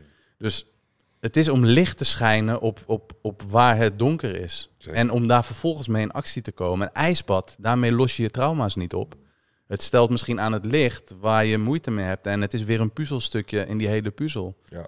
Dus je moet moeite doen om uiteindelijk iets te bereiken. Ja. Ja. Ja. Iets groots. En het, het, het komt niet zomaar aanwaaien, weet je. Dat is gewoon, het leven vereist werk. Het vereist tegenslagen overwinnen om het uiteindelijk leuk te hebben. Mm. Ja, ik denk dat social media ook een beetje gebruik maakt van het ideaalbeeld wat we allemaal, of heel veel mensen willen volgen. Hè. Ik wil er perfect uitzien. Oh, Mhm. kan het binnen drie maanden? Nou, dat ga ik, daar ga ik eens voor betalen. Ja. En dat is een beetje, dat is in ieder geval hoe het voor mij overkomt, zeg maar. Ja, ik denk, eh, ik denk dat het heel ja, makkelijk is om te geloven inderdaad. Als je social media moet geloven, dan eh, is alles perfect. Ja. Ja. Maar het is het natuurlijk niet. En, en juist het omarmen van dat dingen niet perfect zijn, dat is, dat is het echte geluk. Ja, zeker. Ja, heel mooi. Dat, eh, ja. Niet te veel laten verleiden door alles wat je op social media zit. En vooral gewoon de realiteit aangaan en onder ogen komen. Ja. Weet je, en die is niet altijd mooi. Het Ja. hoeft ook niet altijd. Waarom zou het altijd mooi moeten zijn? Hoe kun je genieten van de zon als het altijd zonnig is? Weet je, hoe, hoe kun je genieten van eten als je de hele dag door aan het eten bent? En de mensen die wel eens vasten, die weten dat wel. Als je vast, intermittent vasten doet. En je mag dan weer eten na 16 uur. Hoe lekker is het eten dan? Dan als je elke paar uur mag eten. Weet je, als je alles maar beschikbaar hebt op elk moment van de dag, hoe kun je daarvan genieten? Ja. Dus dat zijn wel belangrijke dingen om voor jezelf te beseffen. Hetzelfde ook met een mooi leven. Hoe kun je gelukkig zijn als je nooit weet hoe het is om niet gelukkig te zijn? Ja, mooi. Ja. Ik denk dat we al deze struggles nodig hebben om uiteindelijk gelukkig te mogen zijn. Te kunnen zijn. Uiteindelijk wel. Ik ben heel blij met alles wat, wat ik heb meegemaakt. Alle heftige dingen en alle mooie dingen. Want het heeft mij gebracht waar ik vandaag ben. En ik denk dat dat niet had gekund zonder al die, al die moeilijke dingen. Als we Ja. kijken naar de toekomst, wat, eh, wat gaan we nog van jou, van jou zien? En wat, hoe, waar wil je zelf zien over een aantal jaar? Nou, ik denk dat ik vooral gewoon wil benutten hoeveel mensen ik zou kunnen bereiken. Dus als veel mensen ja, goed reageren op wat ik te zeggen heb. En ja, ik denk dat de podcast binnenkort 100.000 mensen bereikt. En dat zijn dan ook vooral de mensen die in mijn podcast geweest zijn. Maar ik denk dat ik het wel heel leuk zou vinden om misschien 1 miljoen mensen te bereiken. Richard de Let, die was hier ook laatst, die zou ook wel 1 miljoen mensen bereiken om een beter en gezonder leven te, eh, te laten krijgen. Nou, ik denk dat het ook wel een mooi doel is om een miljoen mensen in ieder geval iets van waarde gegeven te hebben. En of dat nu is door iemand te interviewen of door zelf een boodschap eh, neer te zetten, maakt me eigenlijk niet zo heel veel uit. Maar door toch echt mijn, ja, mijn boodschap en waarde die ik denk te hebben met mensen te mogen delen door middel van de podcast, korte filmpjes op internet. Dat, eh, dat het gewoon hetgene wat ik nu doe eh, alleen maar beter mag gaan. Mooi. Dus eigenlijk ben ik wel heel blij op de plek waar ik nu sta. En dat wil ik gewoon uitbuiten en ja, genieten van, van het mooie, dankbare werk wat ik heb. Ja, super. Dat mensen iets van me aannemen. Mm. Mooi. Mijn ego weer een beetje naar boven. En, je, Nee. en, je, en je eigen privéleven, hoe gaat dat eruit zien? Ga je naar het buitenland of heb je, heb je, een, iets, heb je iets in je, in een droom, nog een visie daarin?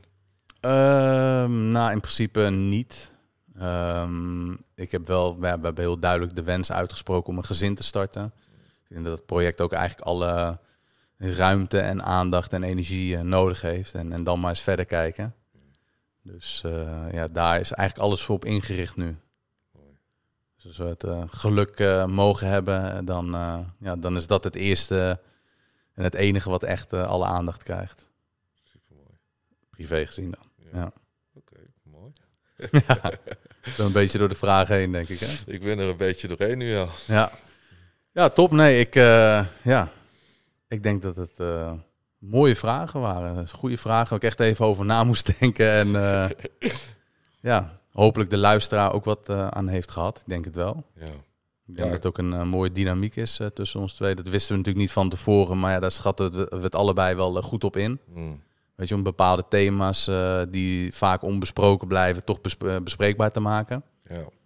Dus daarvoor wil ik je heel erg bedanken. ja, ik wil je ook bedanken. Ik denk dat we best wel mooie, diepe dingen hebben geraakt waar heel veel mensen zich in gaan herkennen. Ja. En eh, ja, ik vind het super tof dat ik hier mocht zijn. Top man, ja, enorm bedankt. Luisteraars, kijkers ook weer bedankt. Top dat jullie eh, weer aanwezig waren. Hopelijk waren de lessen waardevol. Laat vooral een bericht achter als je wat aan hebt gehad. Laat ook vooral een bericht achter als jij eh open staat wellicht om jouw leven te veranderen. Eh, dan kan ik je helpen. DM probeer ik altijd te beantwoorden. Je kan ook mental coaching eh, komen doen. Een consult van een uurtje. Als jij bepaalde patronen wilt eh, doorbreken. Of je loopt tegen dingen aan waar je ja, even vastloopt. eh, dan eh, zie ik je wellicht eh, hier in de studio bij Soul Gym. En anders zie ik je weer bij de volgende aflevering.